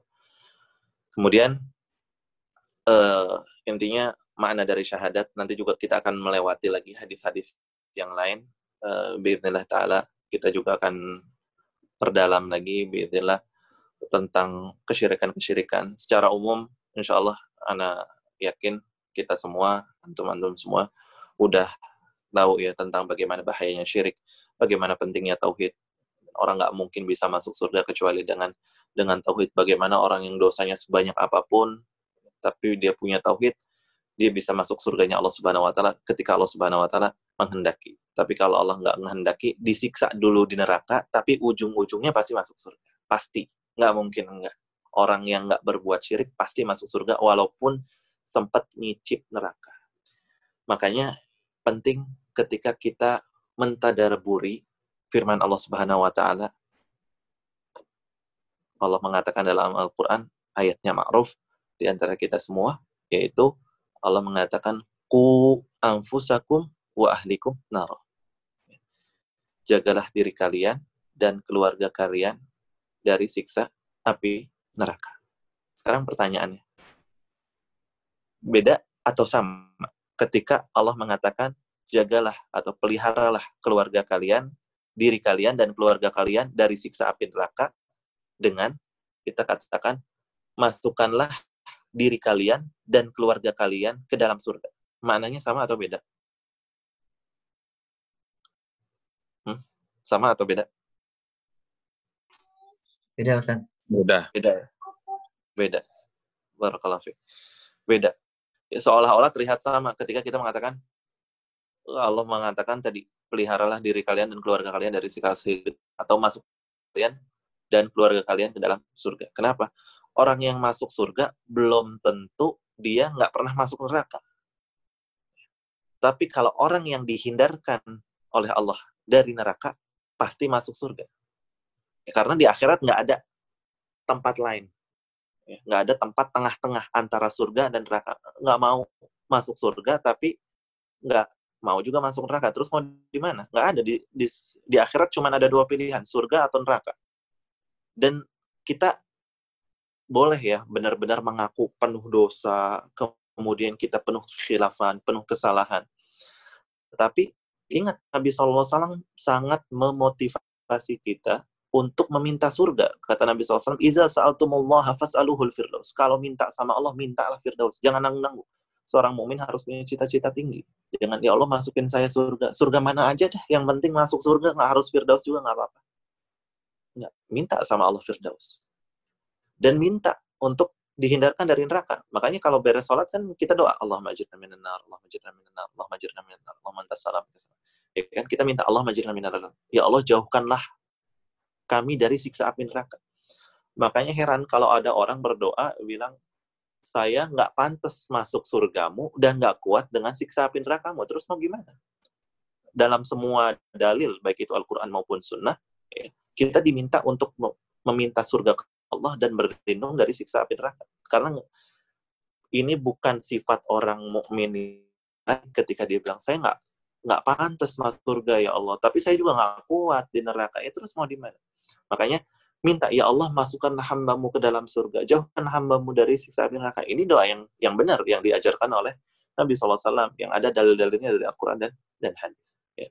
jadi tadi ya kita sebutkan kaidahnya setiap orang yang dihindarkan dari neraka dia pasti masuk surga tapi orang yang enggak belum tentu dia nggak pernah masuk neraka sama sekali. Makanya tadi ku anfusakum ahlikum nar. Allah tuh pengen banget kita dan keluarga kita semua nggak pernah nyicipin neraka dan langsung masuk surganya Allah Subhanahu wa taala. Baik. Yang berikutnya wa anna Muhammadan Rasulullah dan Nabi Muhammad adalah utusan utusan Allah. Ini makna apa sih makna dari definisi uh, syahadat wa anna Muhammadar Rasulullah. Tadi kita udah jelaskan definisi dari makna la ilaha illallah. Kalau makna dari wa anna Muhammadar Rasulullah, para ulama mengatakan yaitu ta'atuhu fima amar. Taat terhadap semua yang diperintahkan oleh beliau. Kemudian wa tasdiquhu fima akhbar. Mempercayai semua yang beliau kabarin. Kemudian wajtinabu manaha anhu wa zajar menjauhi semua yang beliau larang kemudian wa alla yu'badallahu illa bima dan tidaklah kita menyembah Allah kecuali dengan yang disyariatkan oleh beliau alaihi.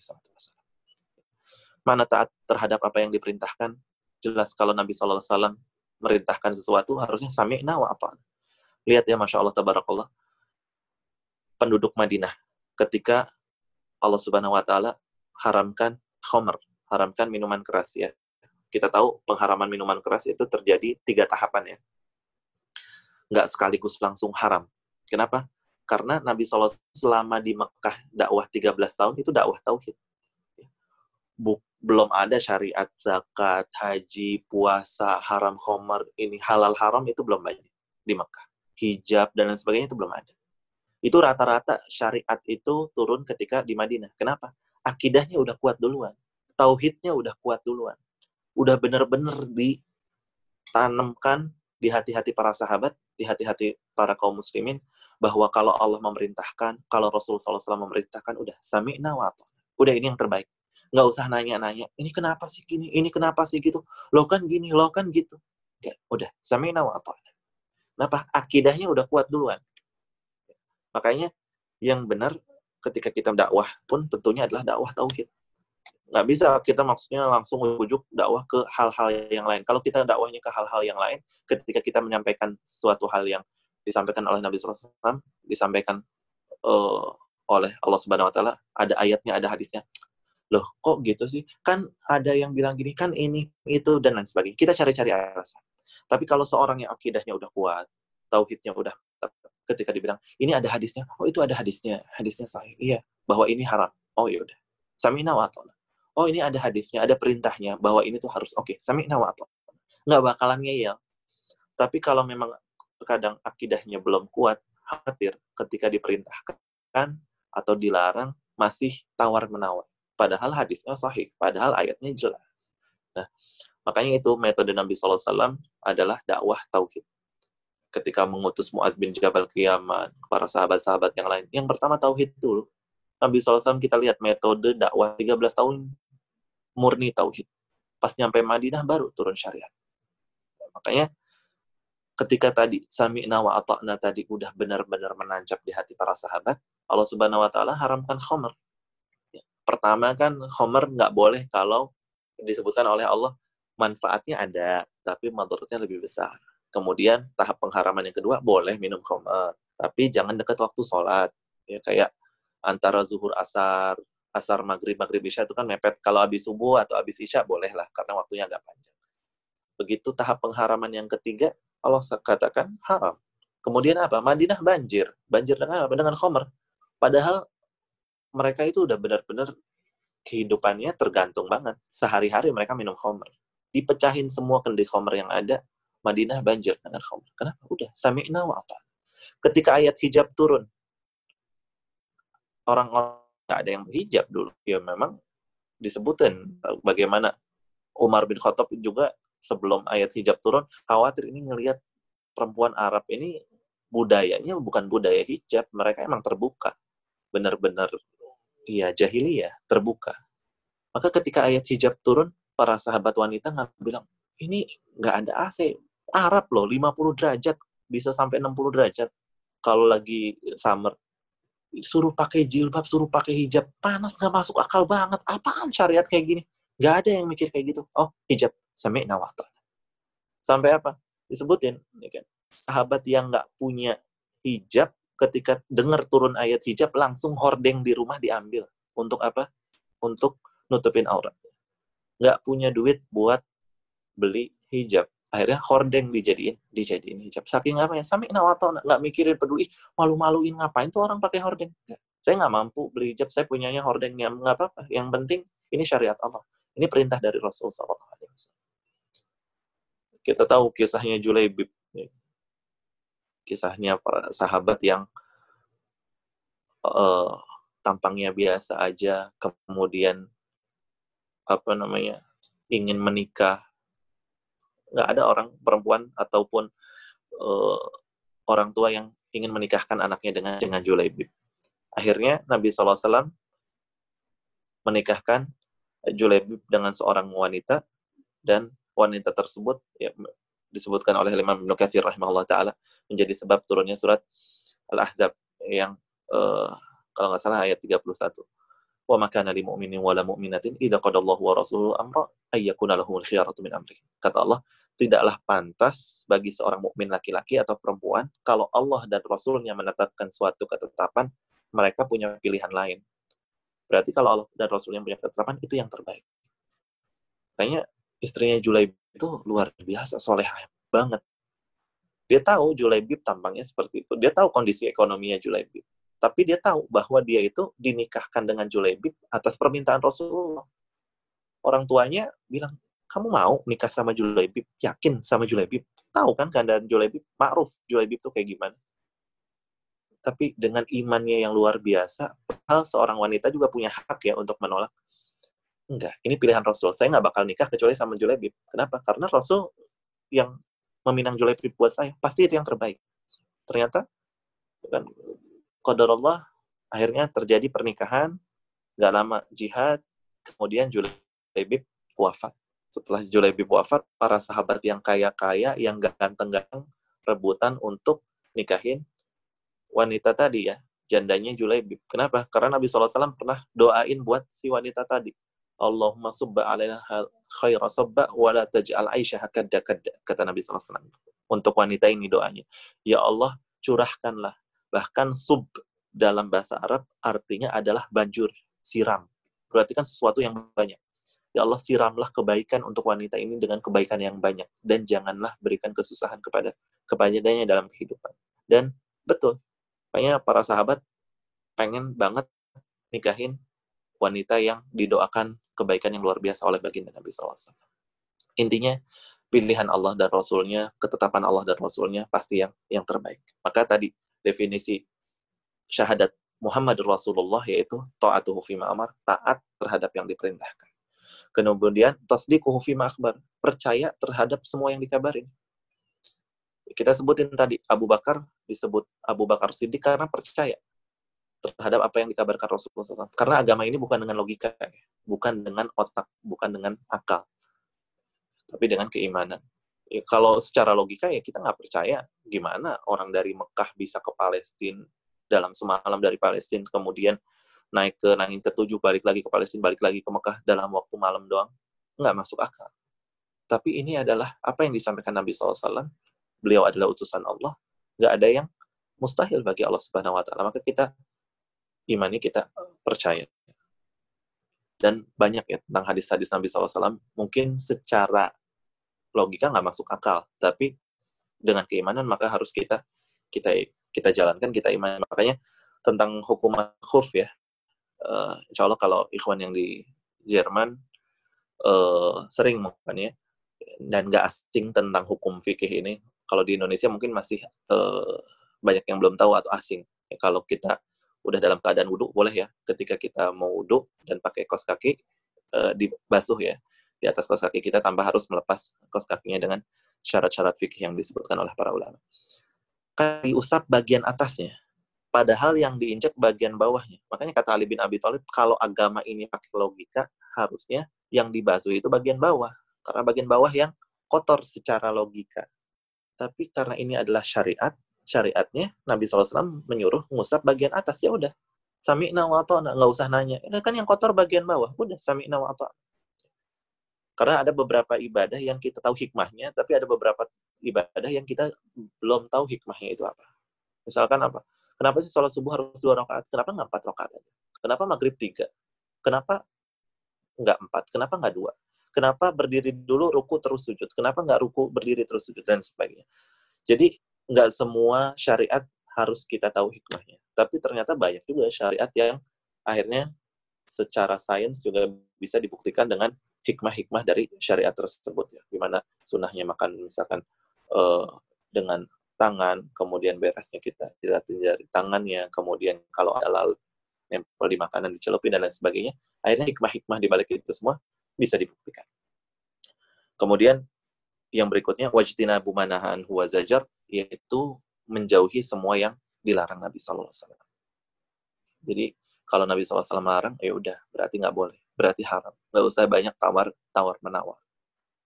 Kemudian juga poin terakhir yang penting wa alla yu'badallah lebih masyarakat yaitu nggak boleh menyembah Allah kecuali yang disyariatkan. Nggak boleh bikin kreasi baru. Karena kita juga tahu ayat terakhir turun surat Al-Maidah ayat 3 al-yauma akmaltu lakum dinakum wa atmamtu alaikum nikmati wa raditu Udah sempurna. Maaf maaf masalah cebok aja udah diajarin sama agama Islam. Masalah-masalah yang setiap hari kita lalui hal-hal yang kebiasaan yang setiap hari kita jalani. Hari ini semua insya Allah kajian pada pakai baju, ya. nggak ada yang nggak pakai baju. Apa kita pas pakai baju tadi baca doanya? Alhamdulillahilladzi kasani hadza sawb wa razaqani min ghairi haulin minni wala Hadisnya sahih. Kita lepas baju apa tahu bacaan doa lepas baju bismillah. Kemudian hal-hal lainnya setiap masuk rumah apa kita selalu baca bismillah wa bismillah kharajna wa Kalau keluar rumah selalu baca dan lain sebagainya. Doa-doa yang sehari-hari kebiasaan kita melakukannya mungkin sepele. Ya, mungkin kalau masuk kamar mandi, keluar kamar mandi masih kita baca dan sebagainya. Tapi kadang kalau pakai baju, lepas baju, pakai pakaian baru, ngelihat orang pakai pakaian baru, apa hafal doanya, apa praktekkan doanya. Masih banyak di antara kita yang belum mempraktekannya dan ini adalah yang diajarkan oleh baginda Nabi hadisnya jelas sahih. Tapi kenapa kadang sebagian orang malah pengen cari-cari kreasi baru yang memang Nabi SAW nggak pernah ngajarin sekali. Kita buat ya apa ya sholat birul waliden, sholat bakti sama orang tua. Bikin lagi sholat ini, sholat itu, zikir ini, zikir itu. Iya, coba yang jelas ada hadisnya, yang hadisnya sahih aja belum tentu dipraktekkan semua. Gimana sekarang syariat-syariat baru? ya kalau kayak gitu syariat sholat zuhur empat rakaat ya udah kita ubah aja jadi enam rakaat lebih banyak baca al-fatihah harusnya lebih bagus lah. maghrib cuma tiga rakaat eh tiga kuatlah tujuh rakaat juga ah subuh kuatlah lima rakaat juga subuh kenapa jam misalkan kalau di Indonesia sekitar setengah lima saya mampu bangun lebih pagi dari setengah lima saya mau sholat subuhnya jam empat aja Nggak bisa. Kenapa? Udah ada pakemnya, udah ada syariatnya. Waktu sholatnya, dan lain sebagainya. Makanya dalam masalah ibadah harus dilihat masalah waktu, masalah bilangan, dan lain sebagainya. Orang mau sholat duhur satu menit sebelum azan. Sholat zuhurnya nggak sah sebelum masuk waktu zuhur. Orang makan satu menit sebelum masuk waktu maghrib. Ya, puasanya seharian itu batal. Jadi intinya dalam masalah penerapan agama harus sesuai dengan apa yang disyariatkan oleh baginda Nabi Muhammad SAW. Dan ini adalah konsekuensi dari wa ashadu anna Muhammad Rasulullah. Benar-benar mengikuti Nabi SAW dalam masalah peribadahan. Kan? Kata Allah Subhanahu wa taala dalam Al-Qur'an dalam surat Al-Imran, "Qul in kuntum fattabi'uni yuhibbukumullah wa yaghfir lakum dzunubakum." Kalau katanya cinta sama Allah, aku pasti orang Islam tanda kutip ya, sebejat apa pun bilang cinta sama Allah. Buktinya apa kalau cinta sama Allah? Harus fattabi'uni. Allah Subhanahu wa taala bilang gitu dalam Al-Qur'an. Ikuti aku yaitu ikuti Nabi sallallahu alaihi wasallam. Niscaya dicintai sama Allah, diampuni dosa. Makanya dalam masalah ibadah sekali lagi penting banget untuk benar-benar sesuai dengan apa yang disyariatkan oleh baginda Nabi Muhammad SAW. Kemudian yang berikutnya salah yaitu mendirikan sholat. Kita udah sempat singgung pertemuan yang telah lalu gimana urgensinya sholat dalam dalam Islam. Kita sebutin orang nggak bisa berdiri, boleh duduk, nggak bisa duduk, boleh baring. Orang mau safar, boleh di kosor. Orang dokter mau operasi, boleh di jama. Orang yang misalkan koma masuk ICU selama itu di bawah empat hari, empat kali 24 jam, maka harus di kodok dan lain sebagainya. Jadi sholat itu benar-benar ibadah yang sangat-sangat agung. Yang kita sebutkan kemarin, masih ingat gak?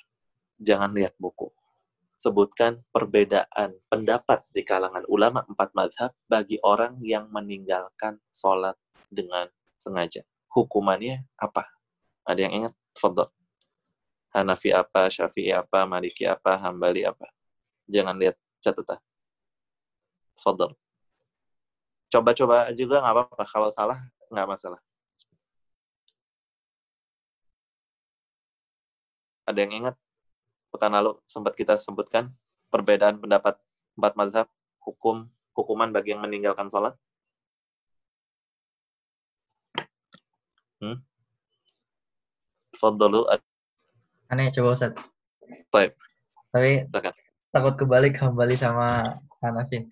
Yang jelas kalau eh kalau yang eh Hambali ya yang dihukum penjara atau bukan? Oke, terusin dulu. Ya, kemudian eh, yang satu suara itu Imam Syafi'i dan Imam Malik bahwa eh, kalau orang meninggalkan sholat dengan sengaja maka dia dihukumi eh, dengan hukuman mati, namun jenazahnya masih dianggap sebagai jenazahnya orang Muslim. Kemudian eh, berarti yang hambali ya, Ustaz? yang kalau uh, orang meninggalkan sholat dengan sengaja tanpa ada uzur syar'i maka dia uh, dihukumi murtad dan dihukum mati kar karena kemurtadannya kemudian dia uh, jenazahnya pun sebagaimana jenazah orang yang murtad tidak dikafani tidak disolati dan tidak dikuburkan dengan cara uh, seorang mukmin.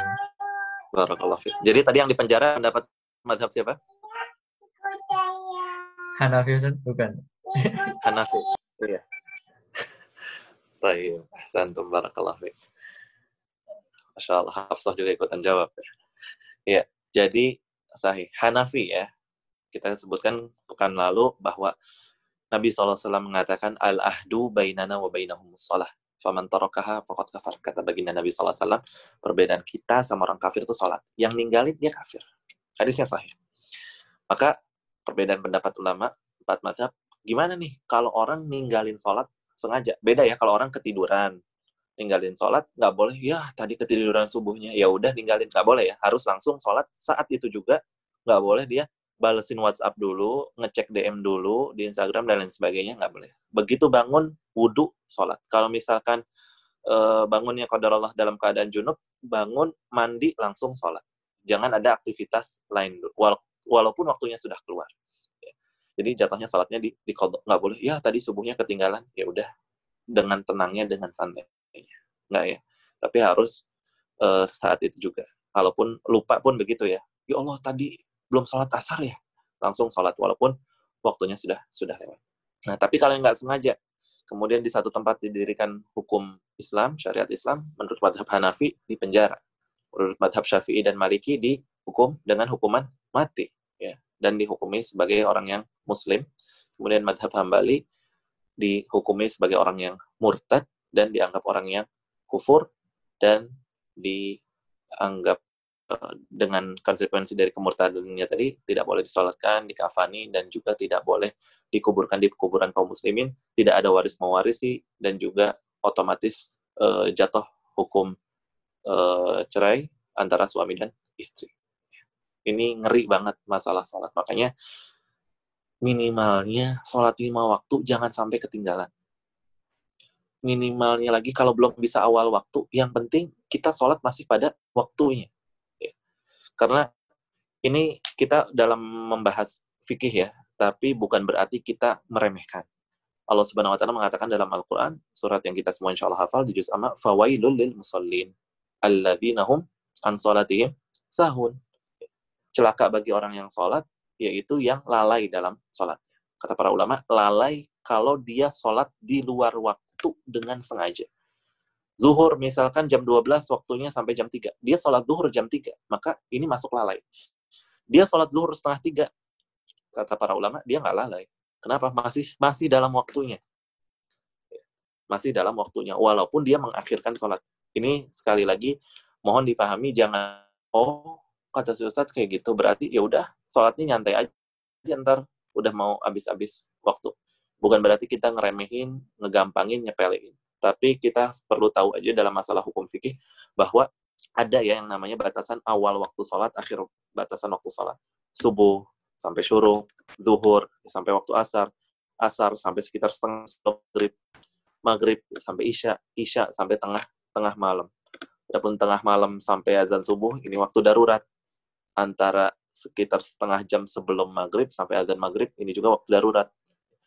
Hukum asalnya nggak boleh sholat di waktu darurat kecuali dalam kondisi darurat, misalnya kejebak macet, baru bisa sholat asar nyampe rumah pas sudah setengah enam nggak masalah tapi kalau disengaja ya nggak boleh. Gitu juga isya.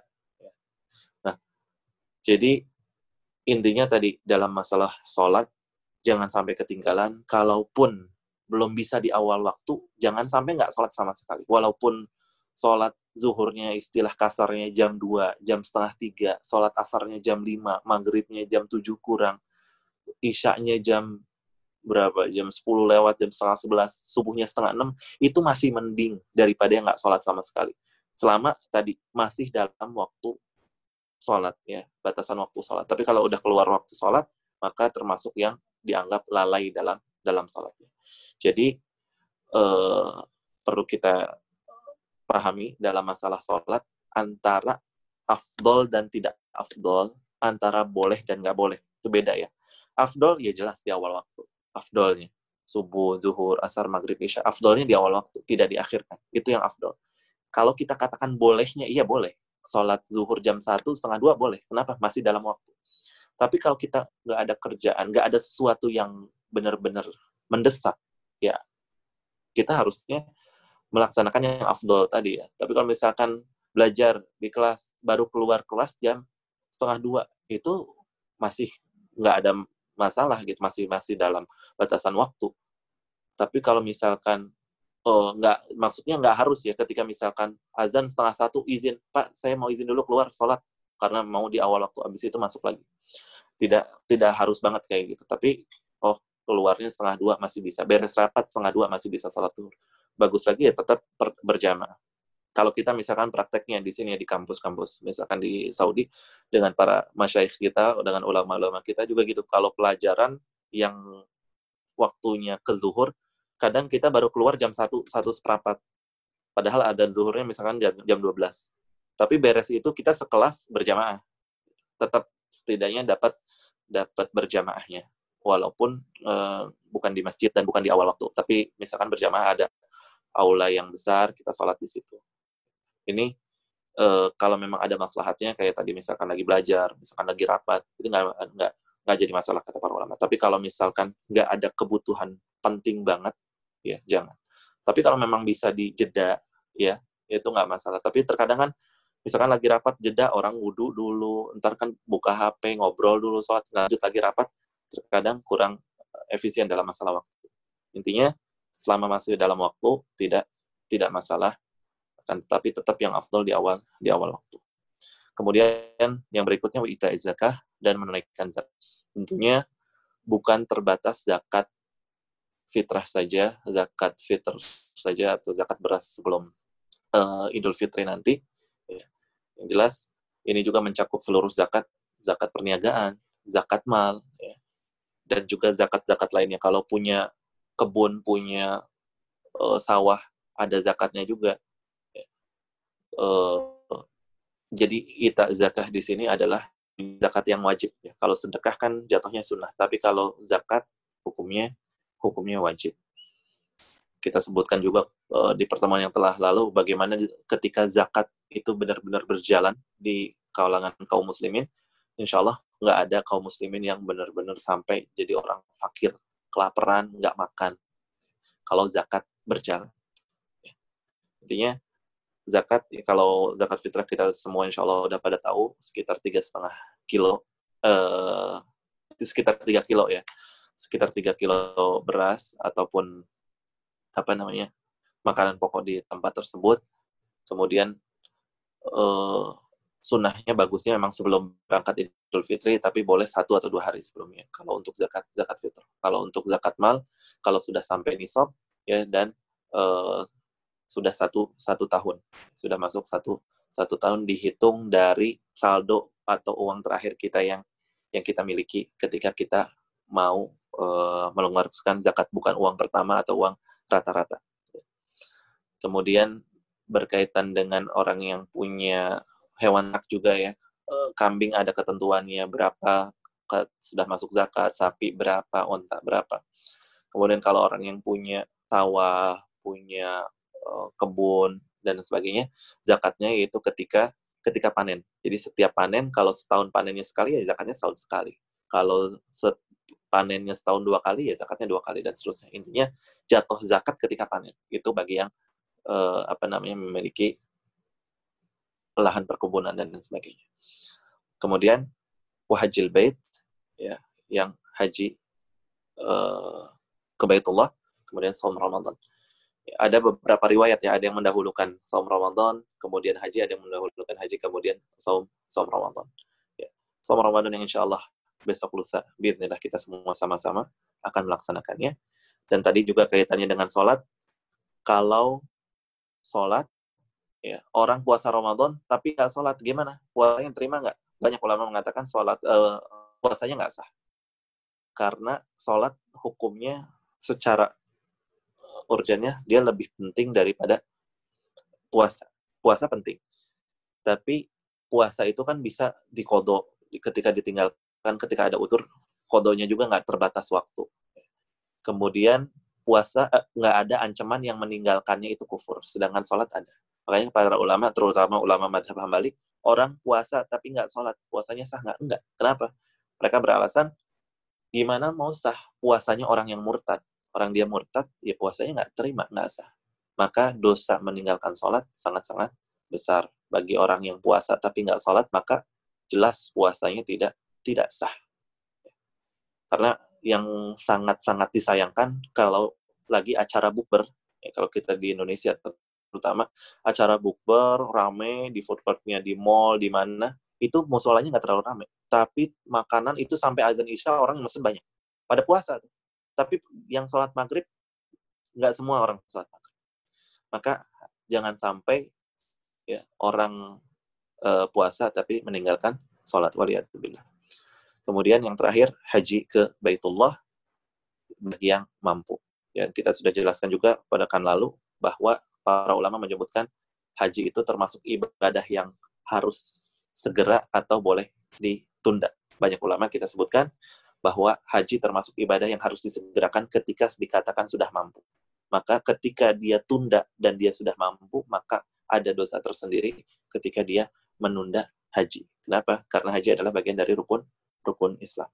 Kita juga sebutkan kemarin kesempatan kalau antum ada rezeki, ada kesempatan, ada kesehatan, berangkat dari Jerman, gak lama waiting listnya. Kalau di Indonesia waiting listnya subhanallah lama banget belasan tahun puluhan tahun ya. Paling cepat berapa? 13 tahun kalau nggak salah paling lama ada yang sampai hampir 30 tahun 20 tahun lebih ya. Kalau yang reguler kalau yang haji plus lima tahun haji plus plus tiga tahun haji furoda nggak pakai nunggu tapi minimal 250 juta sampai sekitar 600 juta per kepala maka ketika memang ada kesempatan bisa berangkat dari Jerman uh, itu lebih baik ya kalau memang udah ada rezekinya. Kurang lebih itu yang bisa disampaikan pada kesempatan kali ini. Jangan lupa PR-nya untuk hadis yang keempat pekan depan ya, dan juga tadi tujuh orang sahabat yang paling banyak meriwayatkan hadis-hadis Nabi Shallallahu Alaihi Wasallam. Itu yang bisa disampaikan. Wassalamualaikum warahmatullahi wabarakatuh.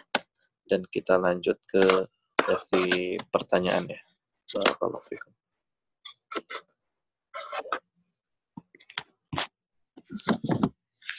Oke, kita dari awal ya. Bismillah, alhamdulillah, salatu wassalamu ala rasulullah, amambad. Uh, pertanyaannya mau tanya tentang urutannya yang hadis 2 sama 3, beda urutan rukun Islamnya. Iya.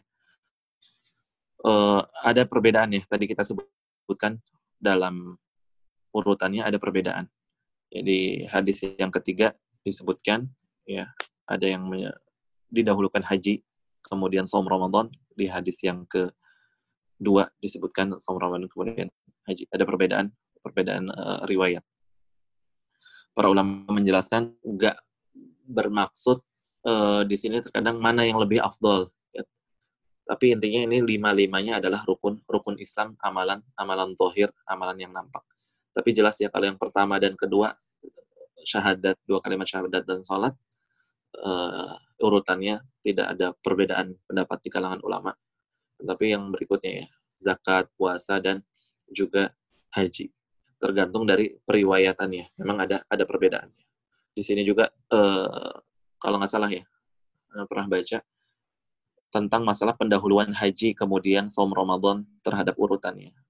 Abdullah bin Umar pernah ditanya dan Abdullah bin Umar eh, menyebutkan itu haji dulu dan dia bilang ini yang saya dengar dari Rasulullah Shallallahu. Nah, sedangkan Umar bin Khattab uh, dalam hadisnya saya mendengar dengan urutan yang kita kita tahu. Intinya nggak terlalu jadi masalah uh, perbedaan riwayat di kalangan para ulama ahli hadis, kan tapi intinya lima tadi adalah rukun Islam. Taib. Pakai summa kalau nggak salah ya. Iya, tadi ya urutan kalau kita lagi menyebutkan kalau bukan karena Allah kemudian para tim medis misalkan. Nah, kemudian itu bahasa Arab disebut dengan summa. Makanya dalam hadis laulallah summa fulan. Jangan kita bilang laula fulan kalau bukan karena fulan, tapi kita katakan laulallah summa fulan. Kalau bukan karena Allah, kemudian dia. Hampir ketabrak, ya Allah, untung aja ada mas. Makasih ya mas, udah nyelamatin. Kena copet, hampir misalkan. Ya Allah, untung aja tadi tuh ada orang yang nyelamatin, ada yang nolongin. Ini kadang spontan ya kita nyebutin. Tapi dari sekarang kita biasanya, ya Allah, Alhamdulillah, untung aja Allah nolongin lewat orang itu. Ya Allah, Alhamdulillah, kalau bukan karena Allah, kemudian tadi emas, kemu mungkin kita belum belum terbiasa ya, tapi insya Allah lama kelamaan, insya Allah bisa jadi terbiasa dan menjadi pembiasaan yang yang baik. Type berikutnya, Sunnah Afan izin bertanya, apakah menjelas, terjelaskan syariat seperti apa sebelum Nabi Nuh, mengingat Nabi Adam adalah bukan Rasul? Apa ada udah syari di zaman sebelum Nabi Nuh? Ya. Para ulama ngejelasin ya, uh, di antaranya Imam Ibnu Katsir rahimahullah taala, ada kitabnya Qasasul Anbiya, kitab yang beliau juga Al-Bidayah wa Nihayah. Bagaimana dengan sebelum Nabi Nuh? Ya. Mereka punya umat, ya, akan tapi tidak ada kesyirikan uh, di zamannya Nabi Adam, kemudian juga Nabi Idris, tapi syariatnya berbeda-beda ya.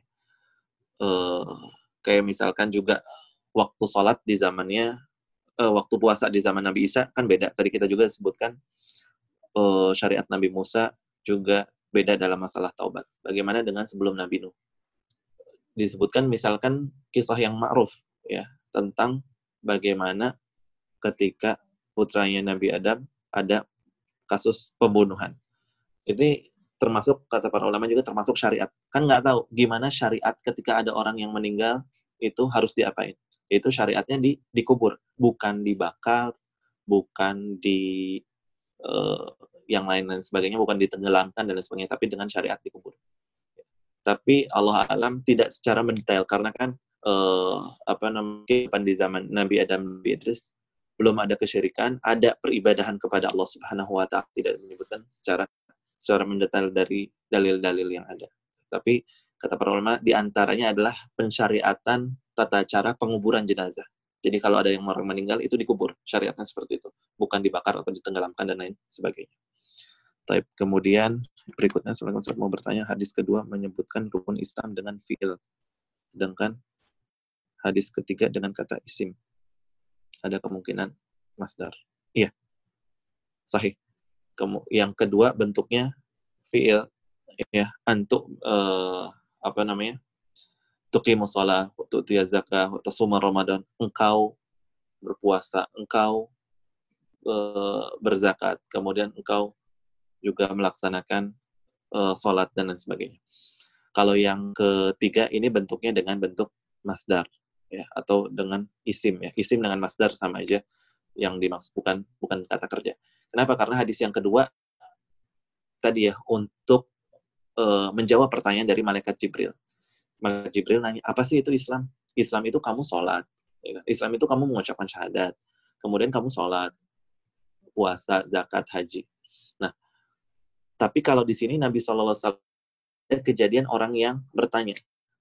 Tapi beliau sedang menjelaskan. Makanya beliau tidak mengatakan, kamu sholat, kamu di sini siapa? gitu kan. Tapi disebutkan langsung dengan isim, yaitu dengan syahadat, kemudian sholat, kemudian ini. Islam didirikan atas lima perkara. Apa sih lima itu? Sebutin dari hadis yang ketiga.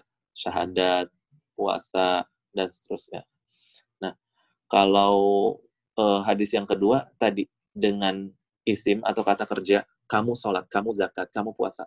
Itu karena ada pertanyaan dari malaikat Jibril, jadi untuk benar-benar menjawab seolah-olah dari pertanyaan, dan ini juga uh, bentuk pendidikan Nabi Shallallahu Alaihi Wasallam yaitu nggak disebutkan dengan master sholat, puasa, zakat, haji, tapi benar-benar ditekankan kamu sholat, kamu puasa. Jadi bagi sang penanya dan pendengar di sekitarnya itu lebih lebih kerasa lagi. Allah Taala Kemudian berikutnya Assalamualaikum warahmatullahi wabarakatuh. Fikum barakallah wa ilaik. Dia bertanya, saya pernah mendengar penjelasan bahwa Nabi Ismail adalah Nabi dan bukan Rasul. Meneruskan ajaran Nabi Ibrahim. Tapi di surat Maryam, ayat 54 disebutkan bahwa Nabi Ismail adalah Rasul dan Nabi. Nah, mohon penjelasannya. Baik. Ya, Nabi Ismail disebutkan uh, Allah Subhanahu wa taala dalam surat Maryam ayat yang ke-54. Bunyi ayatnya gimana ya? Harus lihat mushaf. Maksudnya tahu insya Allah surat Maryam, cuman ayatnya nggak bukan bukan orang yang hafal nomor ayat nomor ayat. Tapi kalau tahu depannya insya Allah tahu. Kalau nggak salah ini ya yang wakana rasulullah nabi ya. Intinya itu. Ya. Tentang masalah uh, nabi dan rasul. Nabi Ibrahim kita sebutin tadi uh, adalah jelas seorang rasul dan seorang yang ulul ulul azmi. Kemudian Nabi Ismail juga menyebutkan uh, disebutkan beliau menjalankan syariat ayahnya, yaitu Rasul sebelumnya Nabi Nabi Ibrahim. Tapi kenapa Allah Subhanahu wa taala menyebutkan dengan definisi uh, bahwa rasulan nabi ya? ya. Tadi kita sebutkan bahwa ada beberapa versi ya antara para ulama ketika para ulama membedakan antara nabi dan rasul. Ada yang menyebutkan nabi itu ini rasul itu ini nabi ini. Tapi pendapat mayoritas atau kebanyakan ulama ya adalah uh, nabi itu yang meneruskan syariat sebelumnya, adapun Rasul bawa syariat baru. Tapi ini nggak mutlak. Dalam arti, ketika ada Nabi yang Allah Subhanahu Wa Taala sebutkan dia Rasul, contohnya Nabi Ismail dalam surat Maryam ayat yang ke-54 ini, pasti dia bawa syariat baru. Ini para ulama ketika menghukumi perbedaan Nabi dan Rasul ini mengacu kepada mayoritas. Mayoritasnya Nabi dan Rasul adalah Rasul membawa syariat baru, sedangkan Nabi e, membawa syariat yang sebelumnya. Akan tapi dalam arti di sini utusan Allah Subhanahu wa taala yaitu rasul sebagaimana Allah sebutkan untuk Nabi Ismail. Nabi Ismail Allah alam tidak membawa syariat baru tapi membawa syariat yang uh, dibawa oleh ayahnya yaitu Ibrahim akan tapi Allah Subhanahu wa taala juga menyebutkan rasul. Kenapa? Karena Nabi Ismail juga punya punya umat.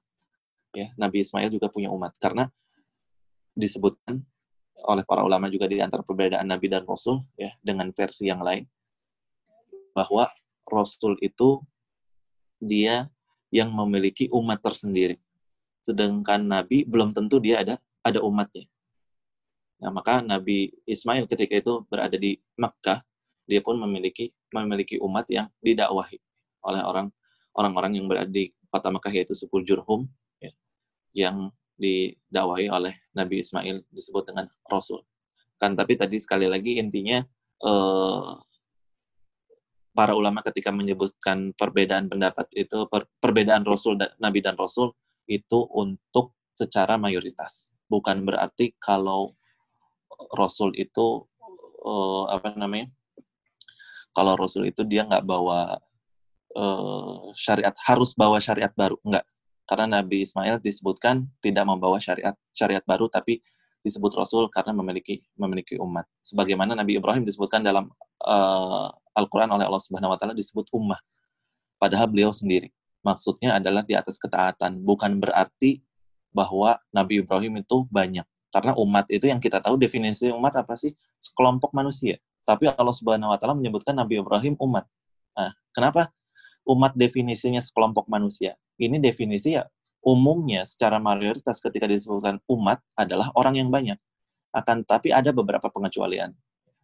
Yaitu Nabi Ibrahim disebut umat bukan berarti Nabi Ibrahim banyak. Nah, begitu juga dengan surat Maryam ayat 54 ini yaitu Nabi Ismail disebut dengan Rasul bukan berarti beliau membawa syariat yang baru. Allah Ta'ala Kemudian Ustaz riakan termasuk syirik kecil berarti amalan orang diriakan hilang ketika melakukannya. Setahu saya kan disuruh paham tentang riak untuk menghindari bukan menilai orang lain. Bagaimana kedudukan orang yang menuduh orang lain riak baik secara hati maupun lisan? Ya. Betul, ria itu masuknya syirik kecil, kemudian ria itu akan menghilangkan uh, pahala orang yang uh, melaksanakan suatu ibadah tersebut dengan dengan ria. Nah, bagaimana dengan kedudukan orang menuduh orang lain ria? Dia dosa sendiri ya, bukan disebut dengan dosa ria, tapi dosa tuduhan. Gak boleh kita nyebut orang ria karena kenapa? Kita nggak tahu ya hati orang, nggak tahu hati orang.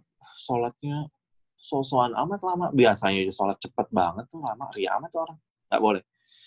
Baik dengan hati ataupun lisan. Nah, kalau dengan hati, kata para ulama ini masuk tentang pembahasan hadis yang pertama innamal a'mal biniyat, kemudian tentang masalah niat, tentang amalan hati. Kata para ulama, selama belum diucapkan, kemudian apalagi disampaikan ke orang lain yang jatuhnya menjadi ribah, biidnillah ta'ala tidak menjadi dosa. Tapi kita langsung istighfar. Kalau kita ngeliat dalam hati kita bilang, itu orang sholat lama, biasanya enggak. Si fulan, ya amat ya. Nah, habis itu kita cepat istighfar, misalnya, astagfirullah. Itu biidnillah kata para ulama nggak jadi dosa. Contohnya kayak amalan, udah niat nih, kayaknya habis ini saya mau nyuri terus nggak jadi nyuri kayak abis ini saya mau zina terus nggak jadi zina. Itu udah amalan hati kan udah ada niat tapi belum terlaksana maka tidak menjadi dosa. Begitu juga kalau kita sudah menuduh orang tapi masih di dalam hati itu segera beristighfar. Tapi yang jadi masalah ketika kita sudah ucapkan apalagi omongin ke orang lain jatuhnya jadi double ya udah nuduh gibah lagi. Maka eh, itu menjadi dosa sendiri ya, jadi dosa tuduhan ataupun tadi jadi dosa gibah tapi bukan dosa ria. Karena ria itu yang kaitannya dengan dengan diri kita. Intinya juga kita nggak boleh menilai isi hati orang lain ya. Sebagaimana Nabi SAW pernah uh, marahin sahabat yang dia tetap ngebunuh orang ya ketika jihad padahal orang kafir tersebut udah bilang la ilaha illallah. Sahabat ini bilang dia ngomong kayak gitu biar nggak saya bunuh. Terus Nabi SAW marahin marah besar kan beliau bilang emang tahu istilahnya isi hati orang tersebut memang karena takut dibunuh atau benar-benar mau beriman. Jadi nggak boleh menghukumi isi hati orang orang lain. Baik. Berikutnya, Assalamualaikum Ustaz. Mau bertanya hadis yang dibahas tadi tentang Imam dari Tirmizi nomor 609 itu dari kitab Maktabatul Ma'arif Riyad. Tapi hadis yang sama ada juga nomor 2534 Syamilah. Ada versi Maktabah DKI ya, Darul Kutub Al-Alamiyah.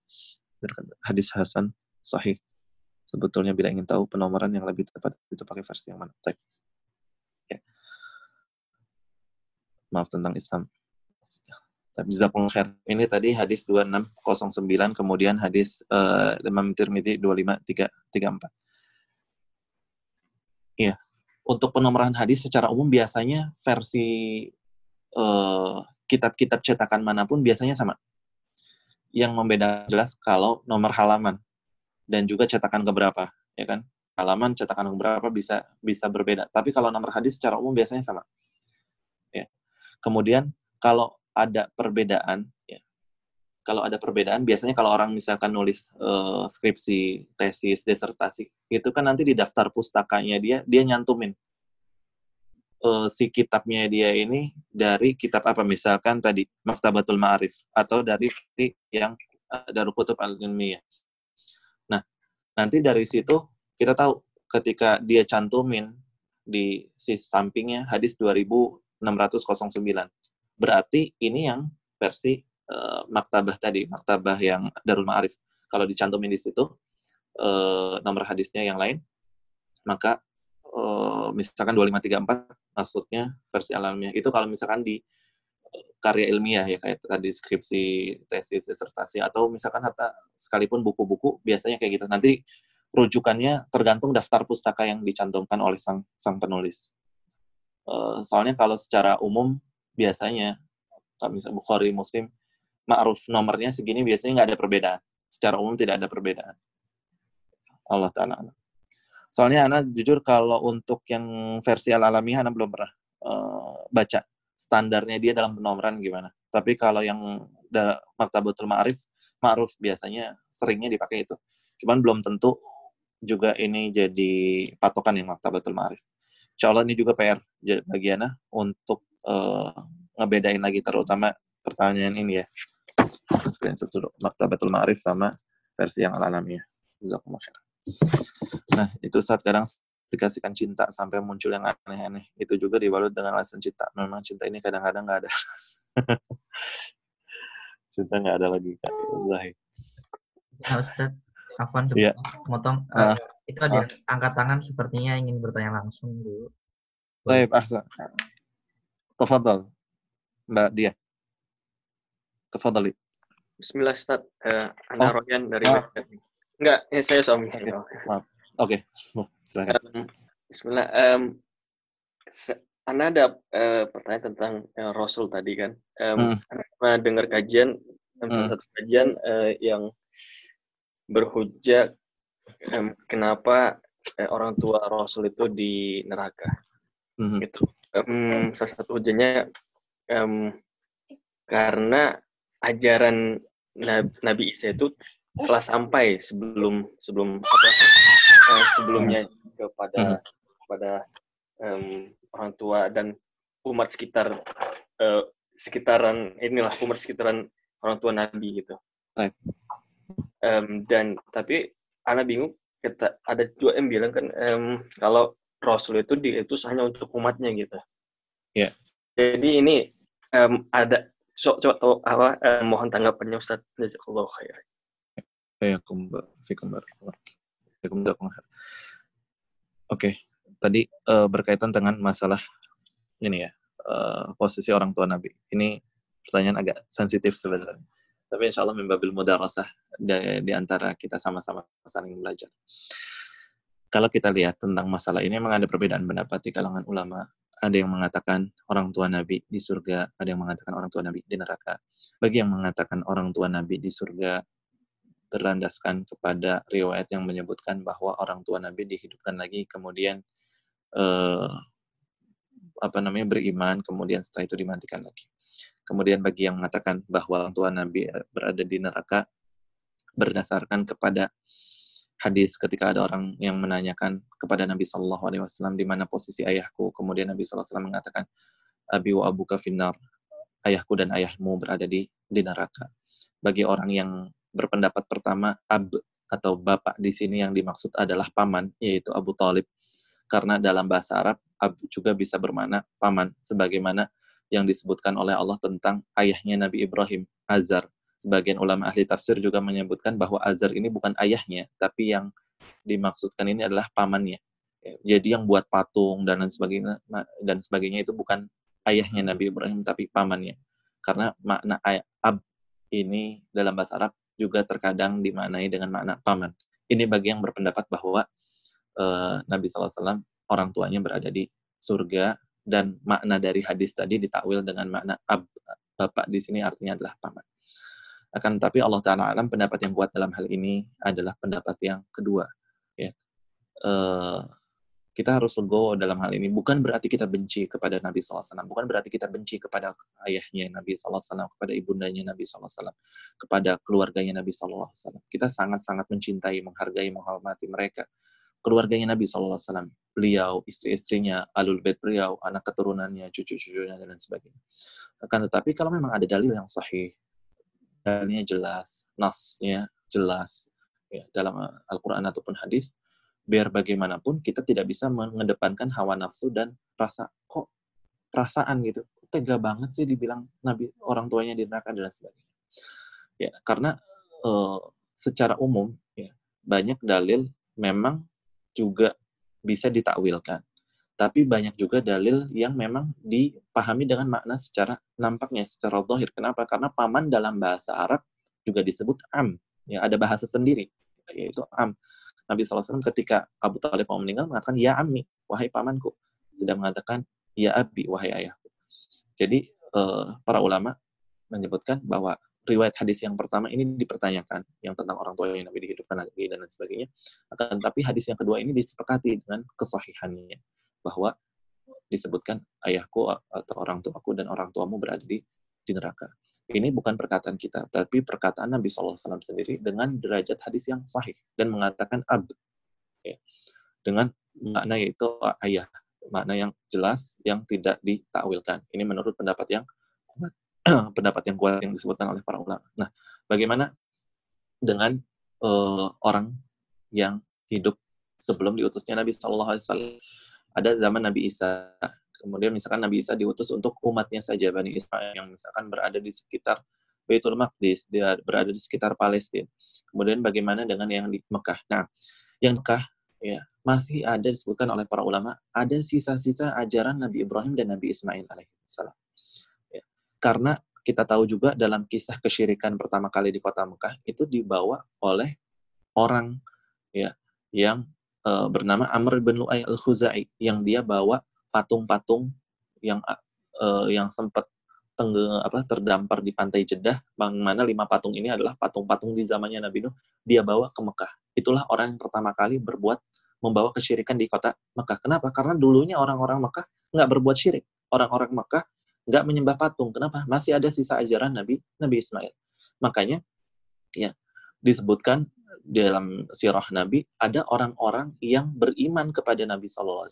Ada orang-orang yang beriman dengan iman yang benar, dengan Islam yang benar, ataupun dengan ajarannya Nabi Isa sebelum Nabi SAW diutus. Ya, di antaranya pamannya Khadijah. Dia tidak menuhankan Nabi Isa gitu kan disebutkan seperti itu kemudian dia juga menunggu siapa akan yang akan menjadi nabi terakhir kemudian juga uh, disebutkan ada orang yang hidup di uh, kota Mekah di Jazirah Arab yang menunggu kedatangan nabi terakhir karena apa karena masih ada sisa-sisa ajaran ajaran syariat yang murni bersih dari tauhid Nabi Shallallahu Alaihi juga uh, dari kecil dia memang nggak nggak pernah apa namanya menyembah berhala dan sebagainya. Makanya di usia 40 tahun beliau suka berkhalwat di gua uh, gua Hiro kan. Kemudian beliau di situ bertafakur dan lain sebagainya. Nah, ini menunjukkan masih ada sisa-sisa ajaran Nabi Ibrahim yang memang diketahui oleh penduduk Mekah. Orang-orang Mekah juga tahu orang yang membawa kesyirikan Amr bin Nu'ay al-Khuzai.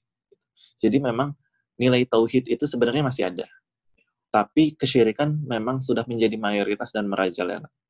Makanya disebutkan uh, orang tua Nabi berada di neraka karena memang ajaran tauhid sebenarnya masih ada. Gitu. Tapi kesyirikan yang merajalela di saat itu, sedangkan orang yang bertauhid itu masih ada dan masih memungkinkan orang yang mengikuti ajaran Nabi Ibrahim yang yang benar, ya ataupun mengikuti ajaran Nabi Nabi Nabi Isa.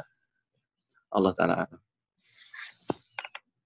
Terus tadi sampai pertanyaan tentang mana ya? Ini agak telat dikit ya. Sebentar lagi kita tutup. Uh, sebentar, apakah terjelaskan seperti apa syariat sebelum Nabi Nuh? Tadi itu terakhir tentang apa ya? Oh cinta nggak ada logika itu ya.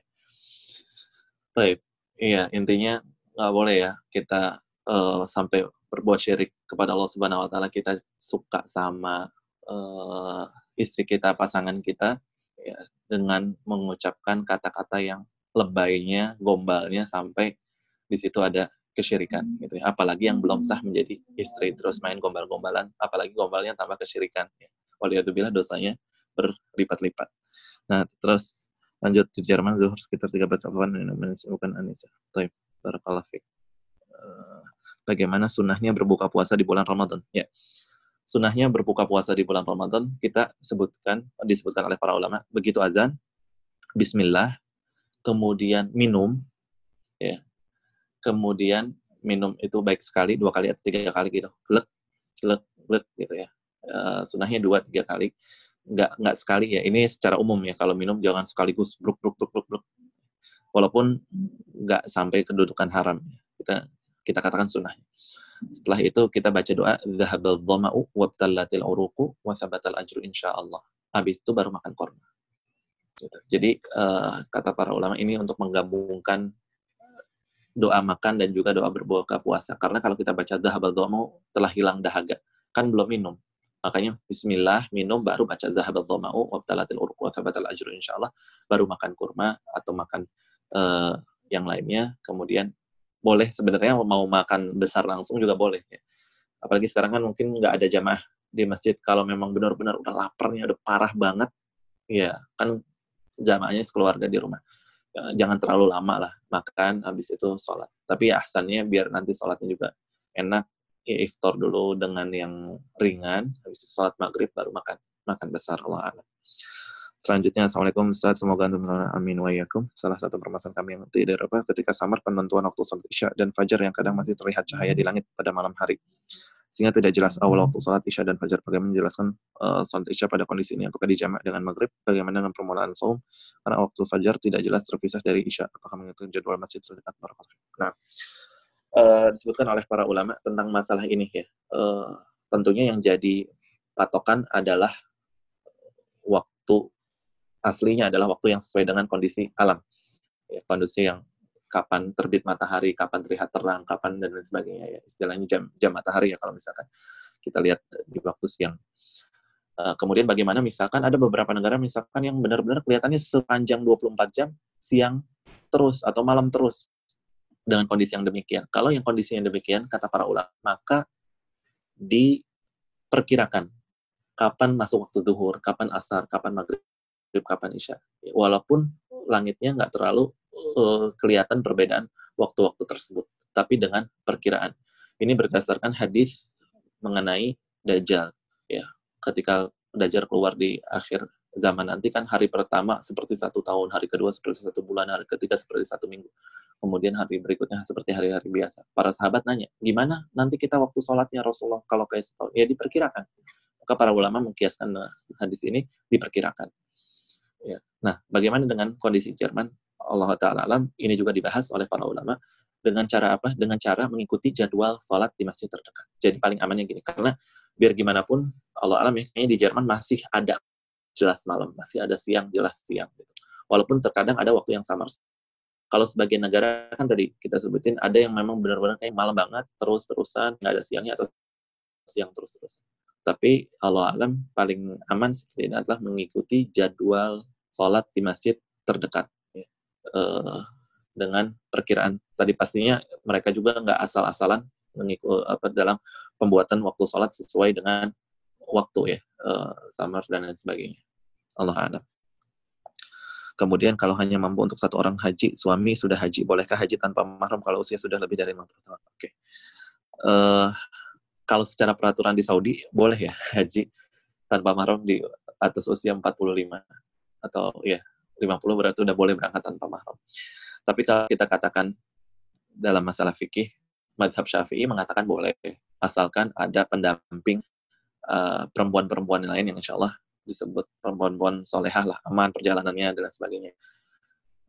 Berdasarkan hadis nanti akan ada di akhir zaman wanita yang keluar sendiri dengan keadaan aman itu yang menjadi landasan madhab syafi'i. Adapun tiga madhab lainnya mengatakan nggak boleh karena syarat dengan mahram. Bagaimana hadis yang menyebutin uh, orang mau jihad, kemudian istrinya mau haji sama Nabi SAW nggak usah jihad, disuruh berangkat berangkat haji. Ya, ini menunjukkan saking pentingnya mahram sampai orang yang jihad aja disuruh batalin jihadnya untuk nemenin istrinya. Nah, sebagian ulama dari tiga madhab ini mengatakan kalau nggak punya mahram tapi ada duit, ada cukup, berarti dikatakan belum mampu. Karena haji disyaratkan berhaji bagi yang mampu. Berarti kalau belum ada mahram, dikatakan tidak tidak mampu. Uh, walaupun kalau kita katakan uh, tadi kalau dengan madhab syafi'i boleh. Tapi kalau kita dengan madhab lainnya, kalau haji tetap maksain haji gimana? Hajinya sah. empat mazhab mengatakan sah. Tapi tiga mazhab tadi mengatakan hajinya sah tapi berdosa. Dosa karena tidak ada mahram.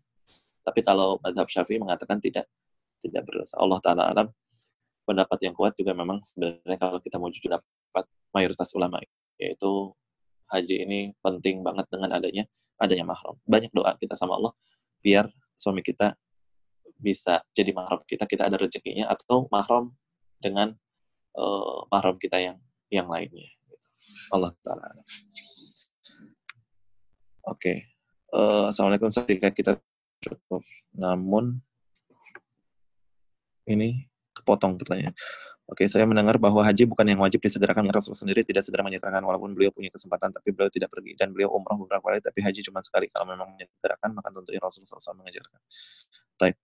Itu ya, tadi eh, kita sebutkan ada perbedaan pendapat di kalangan ulama. Perbedaannya, perbedaan pendapat itu adalah masuk ke dalam pembahasan usul fikih. Yaitu dengan istilah dalam ilmu usul fikih, halil amr, uh, yajib ada uhu ala tarohi apakah perintah itu harus dijalankan uh, alal faur secara cepat atau kan ataupun boleh boleh ditunda. Yes. Ini menjadi perbedaan pendapat di kalangan ulama. Ada yang mengatakan iya, ada yang mengatakan enggak. Nah, tapi bagaimana dengan Rasulullah SAW? Rasulullah SAW ada hikmah. Beliau sengaja mengakhirkan mengakhirkan haji. Ada hikmah yang disebutkan oleh para ulama. Uh, bukan berarti beliau sengaja mengakhirkan karena beliau memang pernah umroh dan sebagainya. Fathu Makkah itu baru terjadi tahun 8 Hijriah. Sebelum 8 Hijriah, Makkah belum jadi uh, negara kaum muslimin. Ya, kita tahu bagaimana Rasulullah SAW ketika mau umroh aja sempat dibatalin ya dengan ada akhirnya perjanjian Hudaybiyah dan lain sebagainya. Dan uh, haji itu semuanya ritualnya berada di kota Makkah. Nah, sedangkan Fathu Makkah baru terjadi tahun 8 Hijriah. Kemudian tahun 9 Hijriah, kemudian 10 Hijriah. Ya. Dan beliau salam haji di tahun tersebut. Jadi sebenarnya nggak ada penundaan. Karena Fathu Makkahnya baru terjadi tahun 8, tahun 9. Uh, buk, istilahnya setahun itu kan bukan bukan menunda dengan, udah ayo langsung gitu. Karena mungkin ada maslahat-maslahat lain. Masih ada peperangan. Kemudian juga kalau misalkan Rasulullah SAW berhaji tahun 9, kemudian 10, tahun 10-nya nggak berhaji, maka para sahabat yang lain bilang, ayo haji lagi dan lain sebagainya. Mungkin aja itu uh, terjadi. Kenapa kok cuman oh, tahun kemarin aja, ayo tahun sekarang gitu.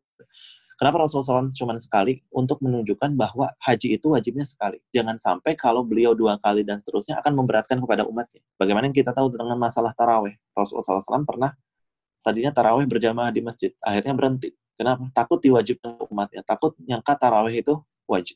Karena beliau akhirnya melanjutin tarawih di rumah. Begitu juga haji, biar tidak memberatkan umat. Kenapa? Karena waktu beliau menjelaskan haji, ada sahabat yang nanya, apa wajib setiap tahun ya Rasulullah?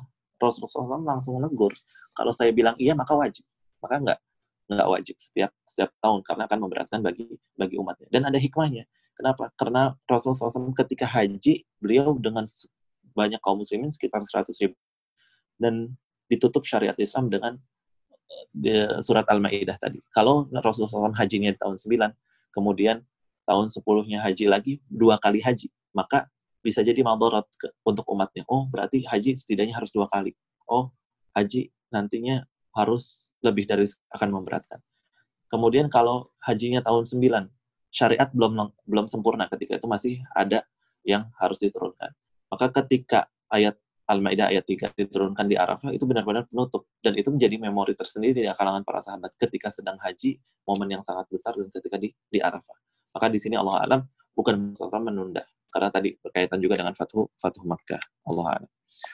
Ketika kita sudah memiliki yang cukup untuk berangkat haji namun orang tua belum dan ingin berangkat, manakah yang lebih dahulukan untuk berangkat serta apakah ada hukum terkait prioritas keberangkatan?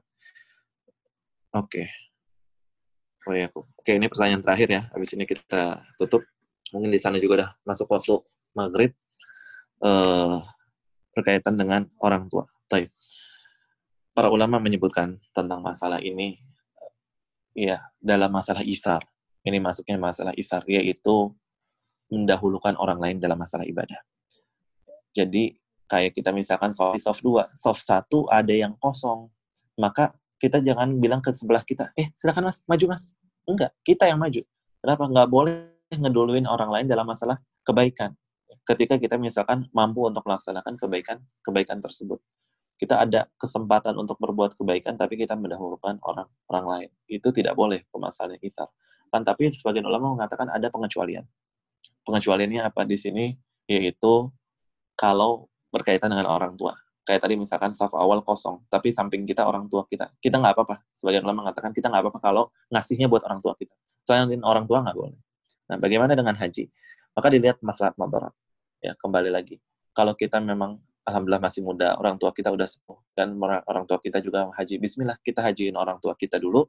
Kemudian kita nabung lagi buat haji karena kita ada masih ada buat nabung lagi. Bukan kita ngedoain kejelekan untuk orang tua, cuman kan secara umumnya orang yang lebih uh, tua mungkin kesempatannya lebih sedikit. Ya. Maka kita dahulukan sedangkan masih ada uh, kesempatan. Taala walaupun namanya usia nggak ada jaminan ya, tapi secara secara umum seperti itu. Uh, sebagian ulama mengatakan boleh mendahulukan kebaikan hanya untuk orang tua, selebihnya tidak boleh.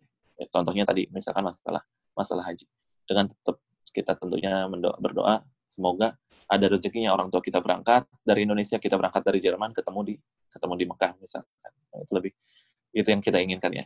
Dan tidak ada yang mustahil bagi Allah.